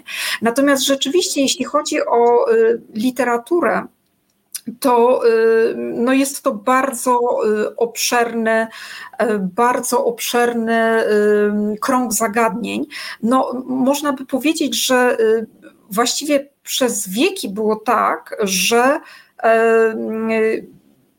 kobiety były przede wszystkim przedstawiane z punktu widzenia mężczyzny. I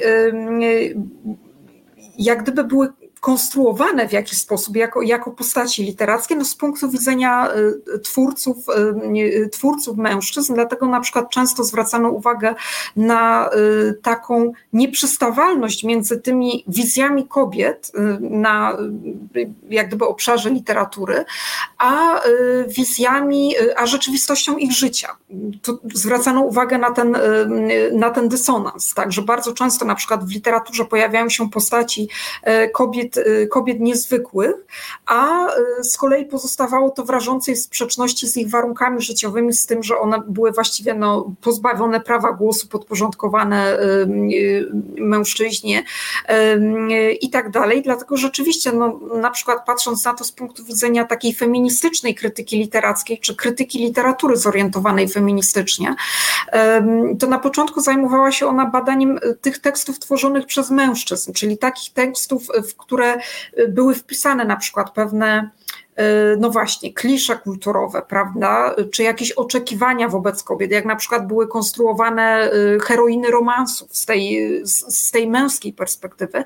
Natomiast dopiero później zaczęto zajmować się badaniem tych tekstów, których twórczyniami czy autorkami była, były kobiety. I tutaj nastąpiło takie, mm, takie znaczące, można powiedzieć, przesunięcie w tych, w, w tych perspektywach, kiedy no właśnie badaczki najpierw funkcjonowały jako takie krytyczne czytelniczki tych męskich tekstów tworzonych przez mężczyzn, w których no, pojawiała się jak gdyby taka wizja kobiecości też y, zorientowana w jakiś sposób na mężczyzn, natomiast no, dopiero później zaczęto zajmować się tą twórczością kobiecą, preferencjami tej twórczości, czyli na przykład, nie wiem, wyborami tematycznymi, gatunkowymi, stylistycznymi, językiem, jakich, jakie Y, używały kobiety. To jest też y, y, bardzo interesujące z jeszcze jednego, jednego powodu, to znaczy przygotowując się do tej naszej rozmowy, zastanawiałam się, no właśnie, nad tą kwestią seksualności w literaturze, w jaki sposób literatura mówi o seksualności, w jaki sposób... No widzę, że od seksu nie uciekniemy, to mm. wszystkich interesuje. Dobrze, jest lato, klimat mhm. wolny, jedziemy. Zastanawiałam się po prostu, w jaki sposób, y, no właśnie, literatura y, może zapisywać to, to y, pożądanie seksualne, dajmy na to, czy w jaki sposób może mówić o, czy, czy jakie reprezentacje doświadczenia seksualnego mogą się tam pojawiać. I rzeczywiście ciekawe jest to, że, że właściwie obecnie mamy do czynienia z takim pewnym fenomenem kulturowym i taką ekspansją chociażby powieści erotycznych, które są kierowane do kobiet.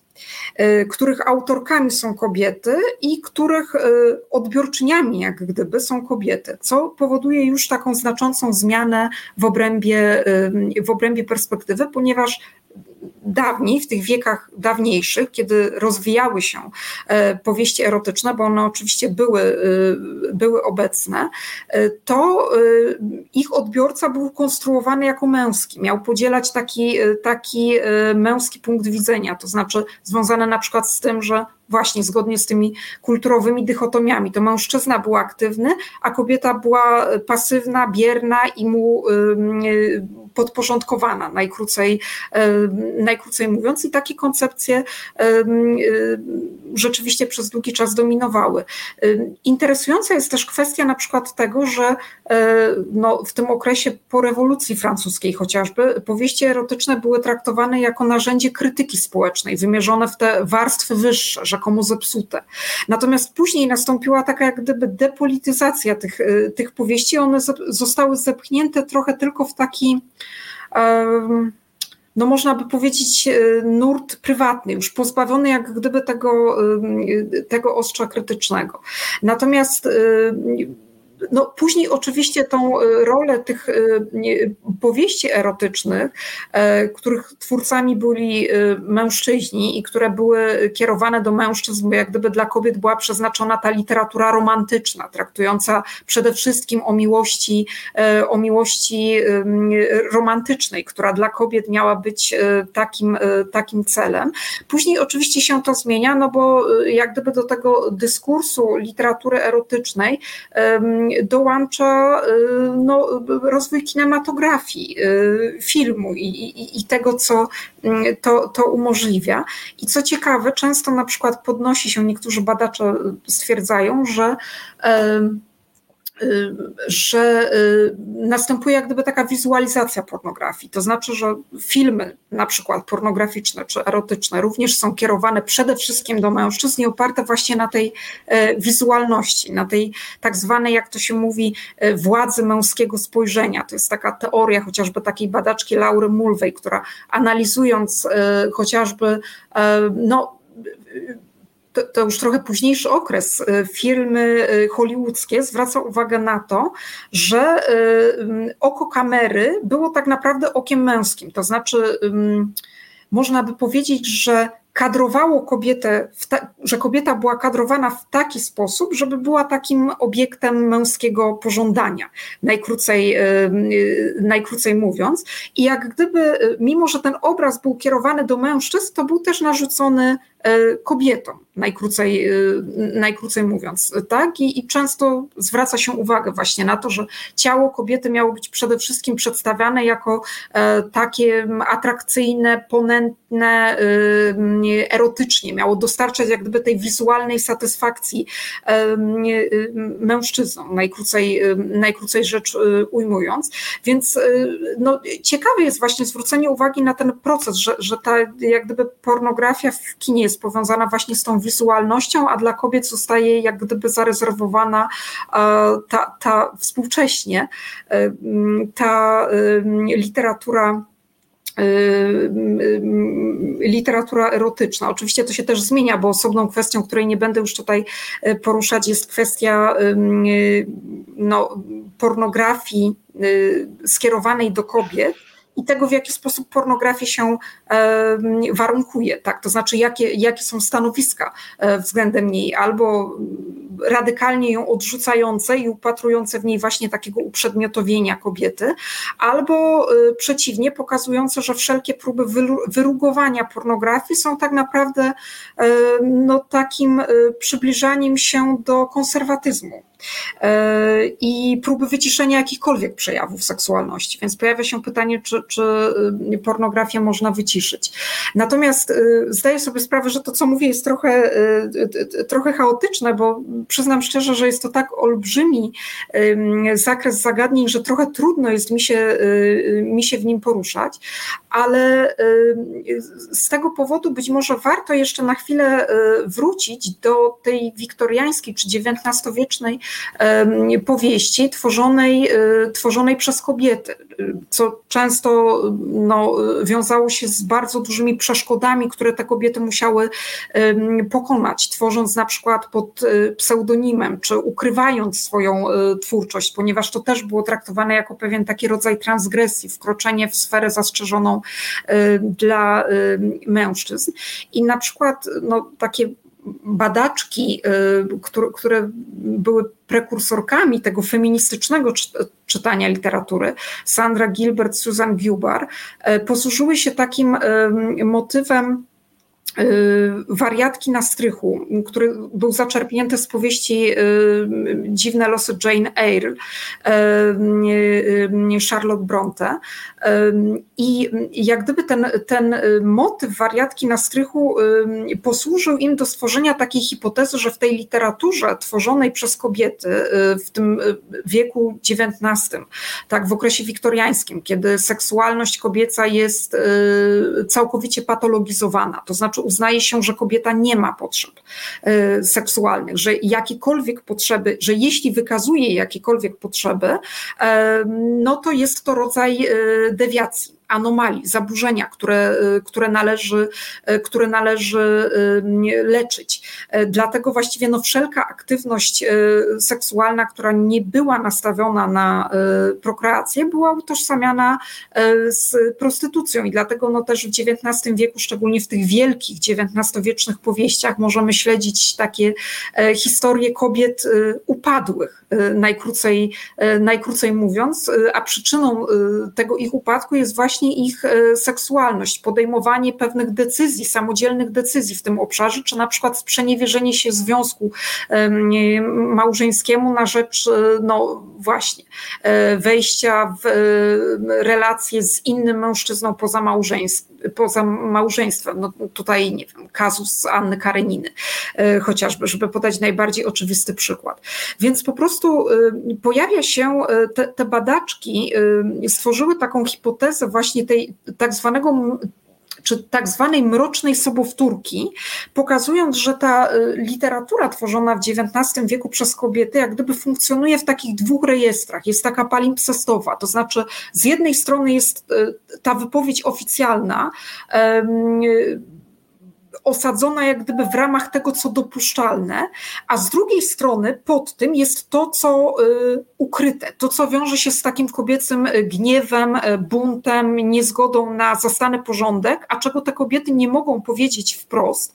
I dlatego te badaczki uznały, że właśnie większość y, bohaterek tej literatury tworzonej w XIX wieku przez kobiety ma takie swoje sobowtóry, można by powiedzieć, czy sobowtórki, które są takimi postaciami demonicznymi, mrocznymi, ale które jak gdyby komunikują to, czego te kobiety nie mogą powiedzieć. I żeby odwołać się no właśnie do przykładu y, dziwnych losów Jane Eyre, dla tytułowej bohaterki, y, takim mrocznym sobowtórem y, byłaby obłąkana żona Rochestera, no właśnie, ta zamknięta na, na strychu i, i jako przykład, żeby zaprezentować jak gdyby przykład tej, tej interpretacji, mogłabym powiedzieć, że Między innymi w tej powieści pojawia się taka scena, kiedy e, e, Jane Eyre, e, która później ma zostać żoną Rochestera i której ten okazuje względy, natomiast sama Jane nie wie, że on jest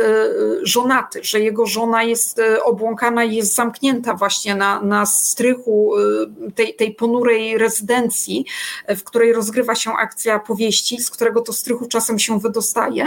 I Rochester z, z zwierza jej się ze swoich doświadczeń seksualnych, to znaczy no z tego, że mówiąc kolokwialnie i nieładnie, z niejednego pieca chleb jadł. I, I Jane jest tym w jakiś sposób oburzona, ale y, oburza ją y, przede wszystkim jak gdyby właśnie taka asymetria doświadczeń, tak, że takie podwójne istnienie takich podwójnych standardów, że mężczyźnie wolno więcej i on może mieć te doświadczenia, natomiast e, kobieta wkraczająca w małżeństwo powinna być dziewicza, tak? powinna być taką niezapisaną, czystą kartą, którą dopiero zapisuje, zapisuje mężczyzna i ona się jak gdyby z tym, z tym nie zgadza.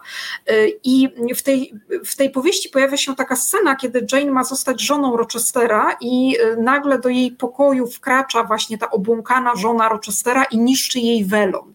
Y, I ta scena bywa interpretowana właśnie jako takie dojście do głosu tego mrocznego sobowtóra, który po prostu wyraża tą gniew i, i wściekłość, ten bunt przeciwko tym e, podwójnym standardom moralnym, który oczywiście jest obecny nie tylko w tej literaturze XIX-wiecznej, tak szukając rozmaitych przykładów, no, takim też bardzo, y, wydaje mi się, trafionym y, przykładem, który warto tutaj przywołać, jest na przykład y, powieść obrosła legendą Sylwii Plath, Szklany Klosz, która oczywiście jest najczęściej czytana właśnie przez pryzmat takiego kobiecego szaleństwa, załamania nerwowego, które jak gdyby jest skutkiem pewnych warunków kulturowo-społecznych panujących w Ameryce lat 50., czy tej powojennej powojennej e, Ameryce. I tam również pojawia się ten e, kilkakrotnie takie e, nawiązania do seksualności, z którą główna bohaterka Esther Greenwood ma problem. To znaczy ją również oburza to, że jej no, powiedzmy narzeczony, chociaż to jest też duże uproszczenie, e, zwierza jej się z tego, że ma doświadczenie seksualne, że nie jest niewinny, natomiast ona tego doświadczenia przed ślubem mieć nie może. Żeby to doświadczenie zdobyć, musi zostać żoną, bo inaczej y, no, czekają tylko, tylko społeczny ostracyzm, więc ona tak naprawdę y, nie ma wyjścia. A druga charakterystyczna scena, która pojawia się w tej y, powieści, dotyczy z kolei mm, y, tego, że no właśnie narzeczony bohaterki, który studiuje medycynę, e, postanawia jej pokazać, jak wygląda e, kobiecy, e, jak, jak wygląda poród, najkrócej mówiąc. I zabiera ją w takim przebraniu, tak trochę incognito na salę porodową. I wtedy jeden z obecnych czy asystujących przy tym porodzie mężczyzn zwraca się do niej, że ona nie powinna tego widzieć, bo jak to zobaczy, to nie będzie chciała mieć e, dzieci. Natomiast kobieta rodząca jest e, odurzona jakimiś substancjami narkotycznymi po to, żeby nic z tego nie pamiętała, żeby nie, nie pamiętała tego, co się z nią dzieje po to, żeby po prostu miała dalej, żeby, żeby dalej rodziła i żeby nie, nie budziło to w niej jakiegoś sprzeciwu. Więc to są oczywiście takie, e, ta, takie przykłady, które e, no, no bardzo rozmaite e, i też zdaję sobie sprawę tutaj z pewnej takiej ich chaotyczności, ale wydaje się, że bardzo symptomatyczne. Natomiast zupełnie inną i szeroką kwestią jest to, na ile powieść erotyczna powstająca współcześnie, kierowana, kierowana do kobiet, jest właśnie takim znakiem czy taką e, próbą przerwania no, takiej męskocentryczności mm, tego dyskursu i, i, tego, że kobiety często chętnie sięgają po te powieści, e, że je tworzą, no, można by to interpretować jako próbę przeformułowania właśnie tego, tego dyskursu męskocentrycznego, tego, że te powieści były kierowane właściwie przede wszystkim do mężczyzn, że to mężczyzna był ich odbiorcą. Natomiast pojawia się, y, pojawia się pytanie, już tak trochę zmierzając do, do, do końca tej wypowiedzi, y, na ile te y, powieści utrwalają pewne stereotypy właśnie tej kobiecej podległości, podporządkowania i tej męskiej dominacji, a na ile próbują z nią y, zerwać na ile mogą być, tak, mogą być czytane jako taki trochę poradnik dla kobiet, a na ile one są właśnie uwikłane w te, w te stereotypy, na ile mają taki, można by powiedzieć, rewolucyjny potencjał, a na ile tak naprawdę cały czas bazują na takich, no nie wiem, jeszcze zakorzenionych w XIX wieku przekonaniach, że dla kobiet jest właściwa przede wszystkim ta miłość romantyczna, tak? a wszelka, wszelka seksualność kobieca podporządkowana podporządkowana, powinna być podporządkowana tylko, tylko prokreacji, a kiedy jej nie służy, to jest w jakiś sposób czymś anormalnym. I wydaje się, że to można by też no, odnieść w ogóle do literatury szerzej, to znaczy do tego, czy na ile literatura może przełamywać właśnie te klisze kulturowe czy, czy stereotypy dotyczące w ogóle takich wizji postaci kobiecych i postaci i postaci męskich, relacji między płciami i tak dalej, i tak a na ile y, literatura ten porządek stabilizuje i w jaki sposób te klisze kulturowe y, utrwala, one, one są w niej ciągle obecne. No i jeszcze zadając to pytanie trochę w nawiązaniu do, do y, tego wstępu Konrada, na ile y, literatura też może oferować, czy jak gdyby wyprzedzać, tak, antycypować właśnie takie inne ujęcie e, seksualności, tak? Na ile może na przykład tworzyć pewien taki język, tak, mówienia o, o pewnych kwestiach, które no, wiemy, że był jak gdyby poddany, szczególnie w przypadku takiej, takiemu rygorystycznemu słumieniu, czy kobiety były namawiane do, do tego i skłaniane do tego, żeby mówiły eufemizmami, żeby nie mówiły, y, żeby nie mówiły wprost, ten ich język był pewien, pełen takich y, przemilczeń, y, stłumień. No i właśnie pojawia się pytanie, na, na ile ta, ta współczesna literatura, którą można by zaklasyfikować jako erotyczną, bo to też nie jest takie, takie oczywiste, proponuje taki inny język mówienia o tych, o tych kwestiach, taki otwarty, y, no, w jakiś sposób y, bezpruderyjny, tak, pokazujący też no, radość z tych, z tych doświadczeń seksualnych, czerpania z tego przyjemności. Więc to są oczywiście pytania, na które bardzo, bardzo trudno jednoznacznie odpowiedzieć i właściwie tak trochę je rzucam do namysłu wszystkich zainteresowanych.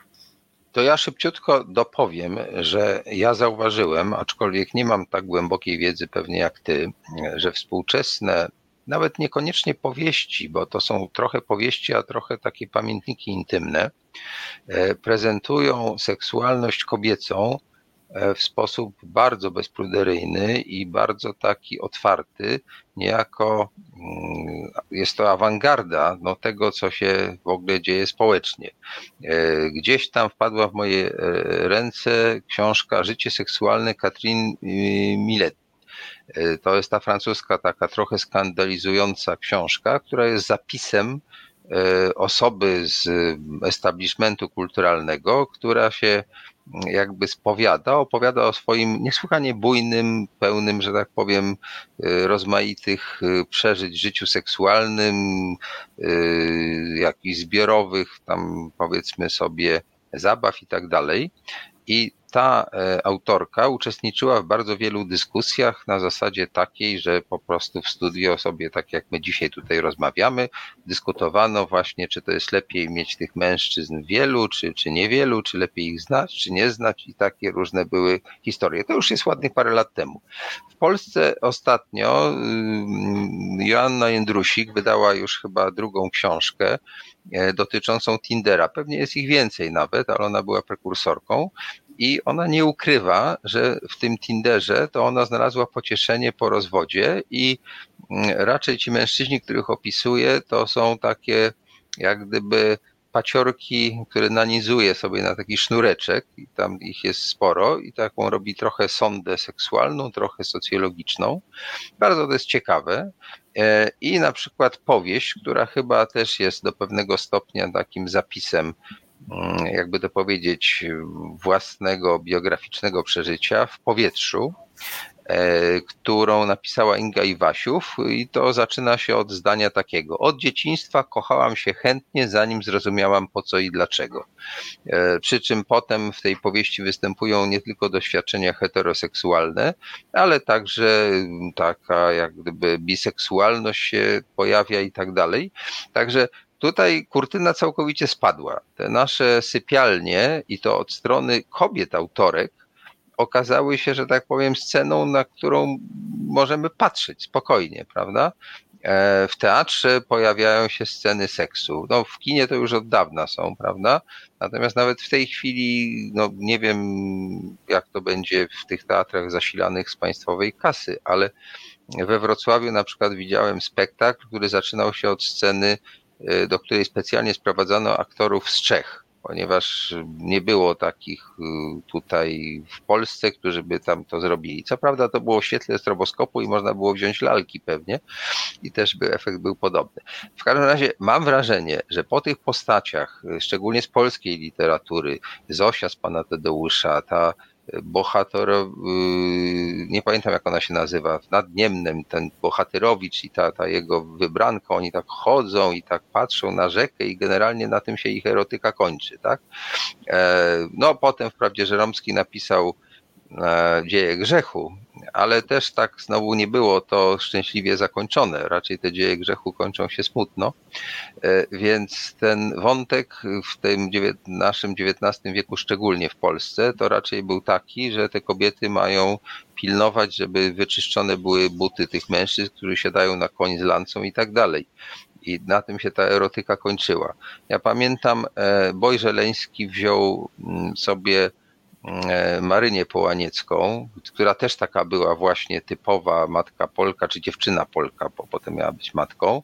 E, I y, w takim felietoniku, czy w takim małym opowiadaniu E, przyjął, że wylało mu się trochę alkoholu, chyba wina na, na, na tę powieść i ona zaczęła mieć jakieś erotyczne, że tak powiem, marzenia, które wyrażała w sposób dosyć taki wprost, co oczywiście było kpiną z Sienkiewicza i tak dalej.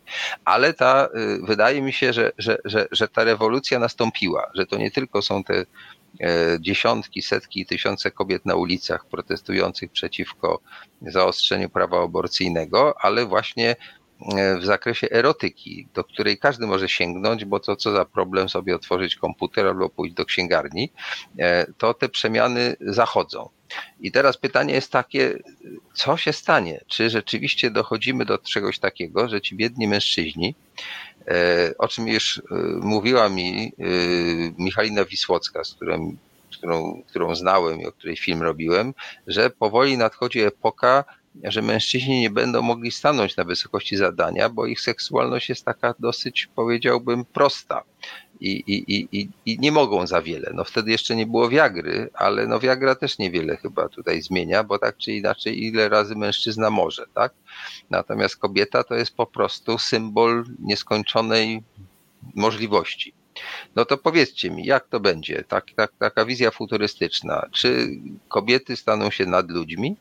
Tak jak do pewnego momentu nie były traktowane e, jak normalni obywatele, to teraz czy one jakby e, w wyniku tej rewolucji, ewolucji e, no, zdominują nas po prostu i stanie się tak, że te wszystkie ograniczenia, które w tej chwili są, ale oczywiście one są tylko czasowe i świat idzie w inną stronę, nie tylko miną, ale mężczyźni będą stanowili pewnego rodzaju taki dodatek, niekoniecznie potrzebny. To jak to będzie? Może ja y, powiem kilka słów. Y, mm, y, to można sformułować to pytanie tak, że jakie są warunki możliwości, czyli jakieś warunki konieczne wystąpienia takiego pełnego matriarchatu, czyli jeszcze trzeba by dookreślić, co to miałoby być. No ale można przez, przez kontrast, przez zestawienie. Jeśli ja myślę o dzisiejszej kulturze zachodniej, nie mówię o kulturach wschodnich i, innych, ale tej zachodniej, dominującej. Tej zdegenerowanej według obecnego kursu obowiązującego w Polsce, tak? To no tak, ale to zostawmy to, bo, bo, bo to, to, się nie da z wszystkimi e, e, rozmawiać. Natomiast e, ten, ta pewna tendencja kultury zachodniej, ona w mojej ocenie polega na tym, że ogranicza się bardzo, bardzo takie drastyczne skutki systemu patriarchalnego, że się limituje negatywne konsekwencje. Mamy system patriarchalny, w którym wprowadza się, na który wprowadza się pewne y, y, limity. To znaczy, na przykład wprowadźmy parytet gdziekolwiek, w pracy, w szkole, czy, czy tak dalej, parytet płci w parlamencie. Y, tak, historia, gdyby spojrzeć bardzo skrótowo, historycznie wygląda Tutaj trochę powtórzę, trochę dopowiem. to co Państwo mówili wcześniej. No, po, patriarchat definiujemy, kobiety są w prawach dziecka, są, są częścią własności tego dobytku mężczyzny. I właśnie on musi je zdobyć, opiekować się nim i tak.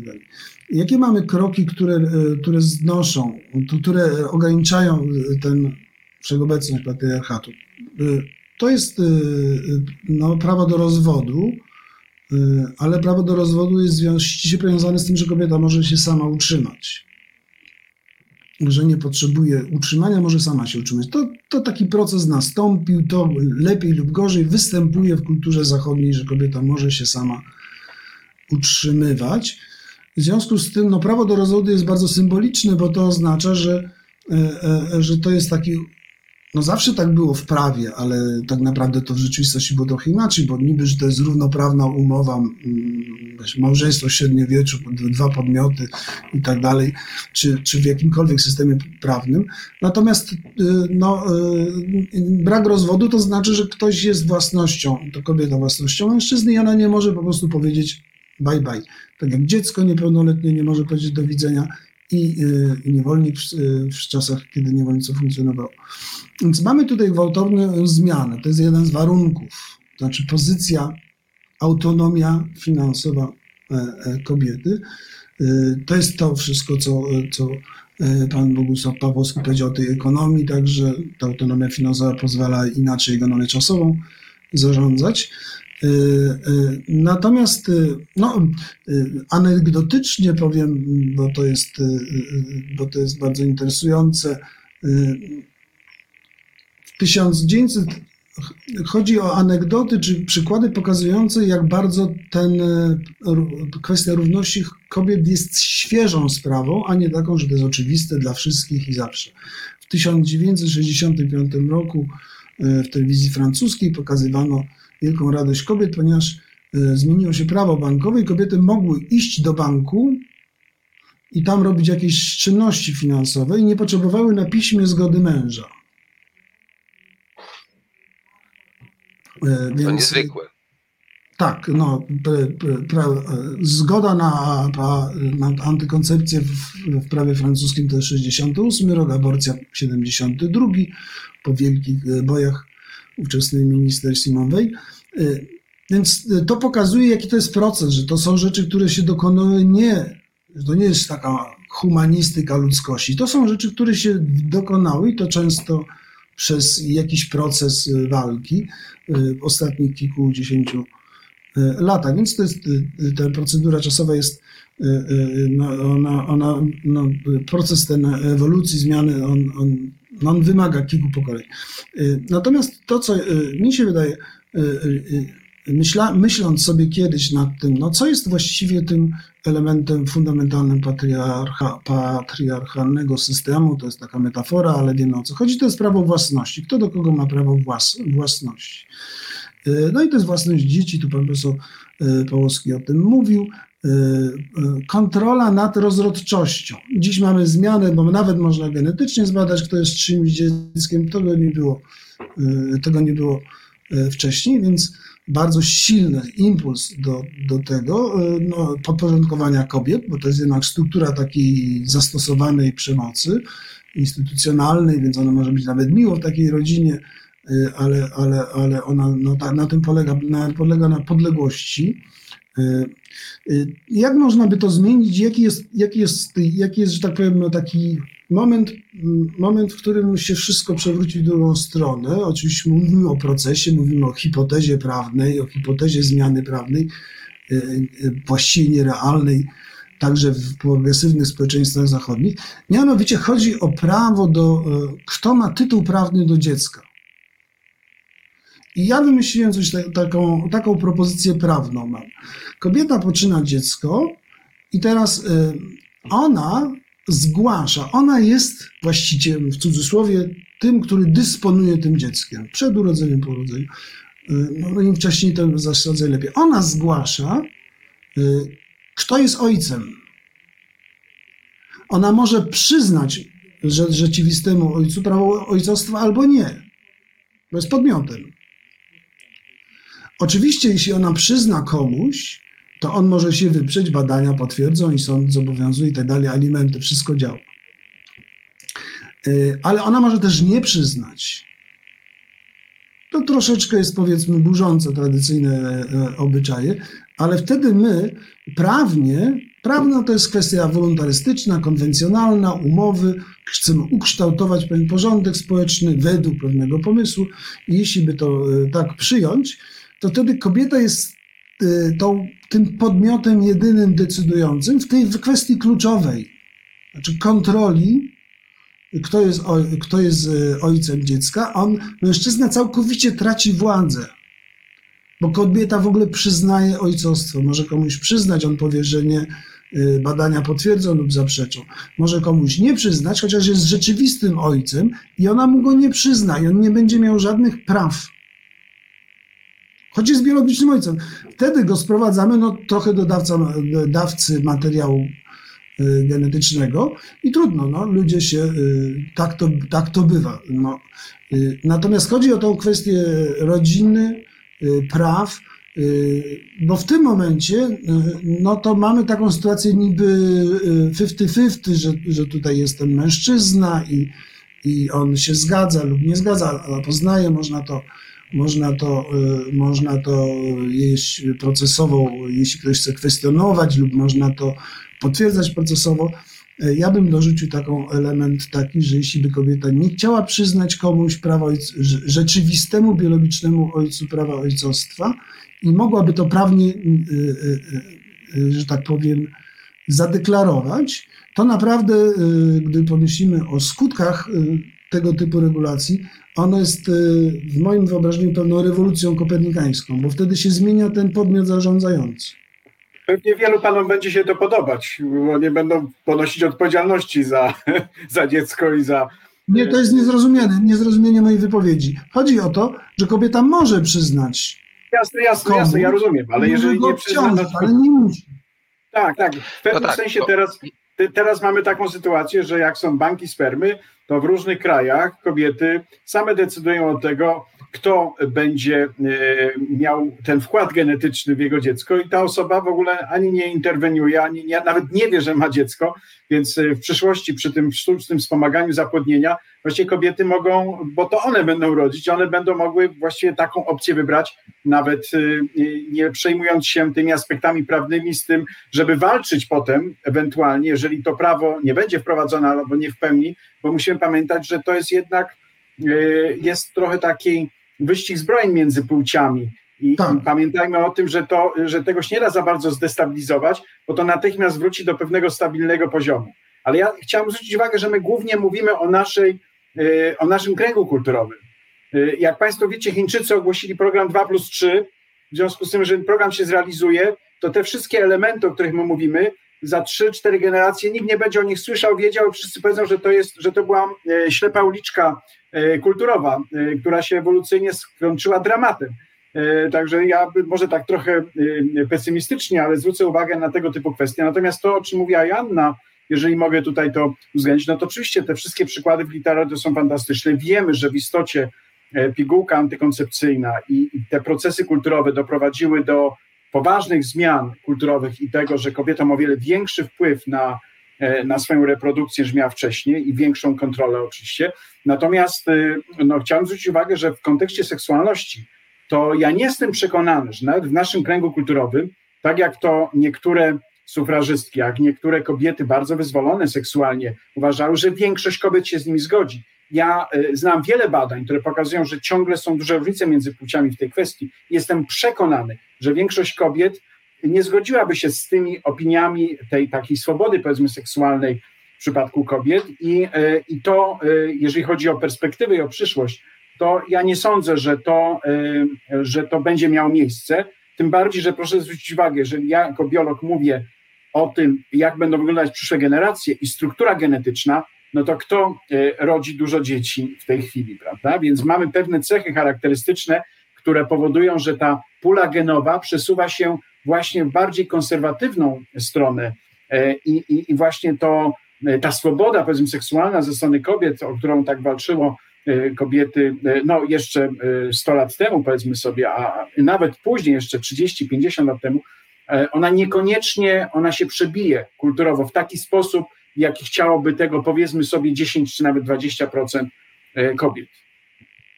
Bardzo dziękuję Bogusławie. To ostatnie słowo ma kobieta oczywiście. Joanno, masz minutę.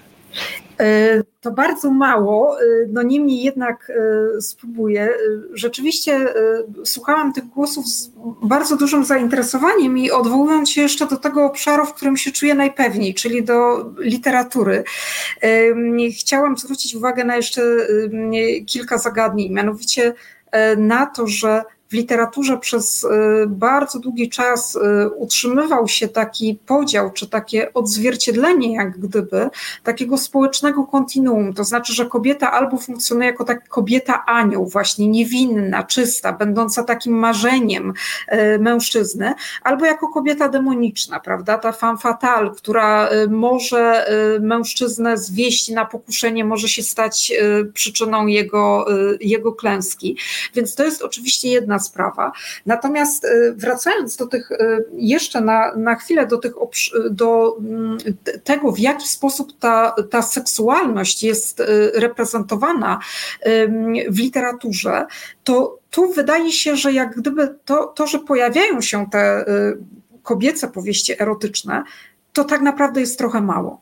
To znaczy, oczywiście pojawiają się teksty takie jak wspomniana książka profesor y, Iwasiów w powietrzu, które są w jakiś sposób przełomowe, które grają tą konwencją autobiograficzną, które rzeczywiście mówią o jak gdyby gromadzeniu pewnych doświadczeń, y, tak, i takim odkrywaniu siebie, odkrywaniu własnej seksualności, y, przyjemności, i tak dalej.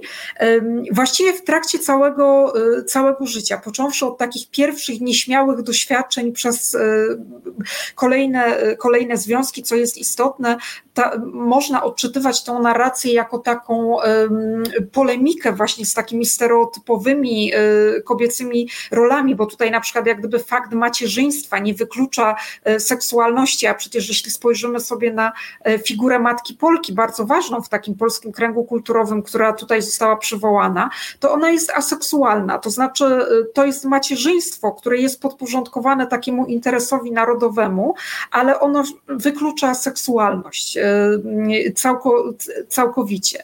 Więc to jest kolejna kwestia. I rzeczywiście z jednej strony pojawiają się świetne przykłady powieści, które często tak ironicznie i nieco parodystycznie podchodzą do takiej mizerii wiedzy na temat seksualności, na przykład w PRL-u.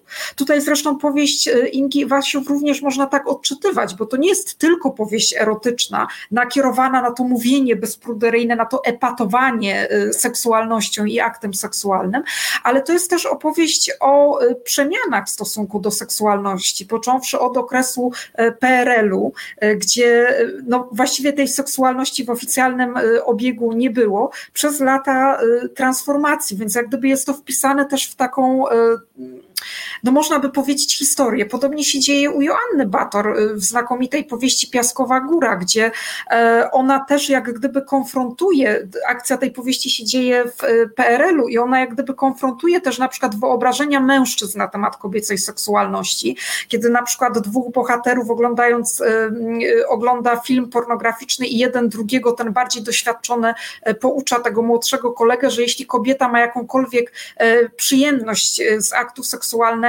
to y, na pewno zajdzie w ciążę. Więc to pokazuje jak gdyby taką mizerię wiedzy, stereotypizację, a z drugiej strony są kobiety, które są właśnie cały czas uwikłane w taką literaturę romansową, która w dwudziestoleciu międzywojennym była określana jako romanse dla kucharek. To znaczy jedna z głównych bohaterek zaczytuje się w trendowatej Heleny Miszkówny i wyobraża sobie, y, no właśnie, że to ona jest y, jak gdyby tą bohaterką, którą otacza taką atencją ordynat Michorowski, ale tak naprawdę nie wychodzi poza te wyobrażenia, które następnie próbuje e, przelać na swoją, e, na swoją córkę. No i jeszcze kończąc ten e, wątek, tam pojawia się jeszcze jeden bardzo ciekawy motyw dotyczący takiego szału w okresie tego już schyłkowego PRL-u na serial Niewolnica Izaura, który też przecież jak gdyby dotyka tego problemu kobiety niewinnej, czystej, tak, która jest napastowana i prześladowana przez tego brutalnego, agresywnego mężczyznę. I oczywiście znakomicie w taki sposób bardzo ironiczny jest opisany ten szał na Izaurę i, i między innymi pielgrzymki do Warszawy w celu spotkania się e, zafascynowanych kobiet tym, tym serialem ze swoimi bohaterami, którzy przy, przyjechali do Polski. Ale z drugiej strony pojawia się tutaj jeszcze jedna rzecz, mianowicie z jednej strony e, bohaterki tej powieści, widzki tego serialu współczują Izaurze, że ona jest właśnie taka niewinna i prześladowana, a z drugiej strony spod tego gdzieś tam e, przenika takie pragnienie, że ach, jakby ten Leoncio ją chwycił i tak sponiewierał, że jakby to było dobrze. I wydaje się, że ta literatura erotyczna, e, która powstaje, no między innymi światowy sukces 50 e, twarzy Greja, będący swoistym fenomenem, polska odpowiedź 365 dni Blanki Lipińskiej, że to są takie, e, takie narracje, które są bardzo mocno uwikłane w pewne stereotypy. To znaczy, z jednej strony chcą właśnie pokazywać tą kobiecą otwartość na doznania seksualne, tą bezpruderyjność, to, że to kobieta decyduje o pewnych, y, o pewnych rzeczach, ale z drugiej strony ostatecznie one właśnie kodują e, ten model miłości romantycznej. To znaczy, że ostatecznie pragnieniem kobiety będzie e, małżeństwo, a ten mężczyzna stosujący jakieś nienormatywne praktyki seksualne pod wpływem kobiety się e, nawróci. Pani Anna sama sobie dała odpowiedź, jak to jest i wystarczy sprawdzić statystyki, jakie filmy czy jakie seriale uwielbiają kobiety. I mamy odpowiedź, Dobrze. jak to jest. I że to nie jest stereotyp. Czyli słuchajcie, moi drodzy, ja chcę Wam serdecznie podziękować. Troszkę chaotycznie, ale myślę, że trudno tak rozległy temat e, uporządkować, żeby się zmieścił w dwie godziny. Trochę chaotycznie, ale ciekawie e, skomentowaliśmy, jaka była ewolucja pozycji kobiety, i wychodzi na to, że wprawdzie kobiety zyskały wiele, ale tak naprawdę wciąż chcą romantyzmu i chcą wciąż pewnego tradycyjnego modelu, co jest zaskakujące. Wrócimy jeszcze do tego tematu, bo na pewno zarówno Bator, jak i Wasiur to są ciekawe pisarki. Ja chętnie je tutaj zaproszę. Wam bardzo serdecznie dziękuję za udział w dzisiejszej rozmowie. Mam nadzieję, że to nie jest e, po raz ostatni, dla niektórych pierwszy, ale mam nadzieję, że to Was zachęciło, żebyśmy jeszcze kiedyś się spotkali, bo nie wyczerpaliśmy tematu. To jest jak zwykle rozmowa niedokończona. Dobranoc Państwu. Reset Obywatelski. To był program Resetu Obywatelskiego. Subskrybuj nasz kanał na YouTube, obserwuj na Facebooku i Twitterze.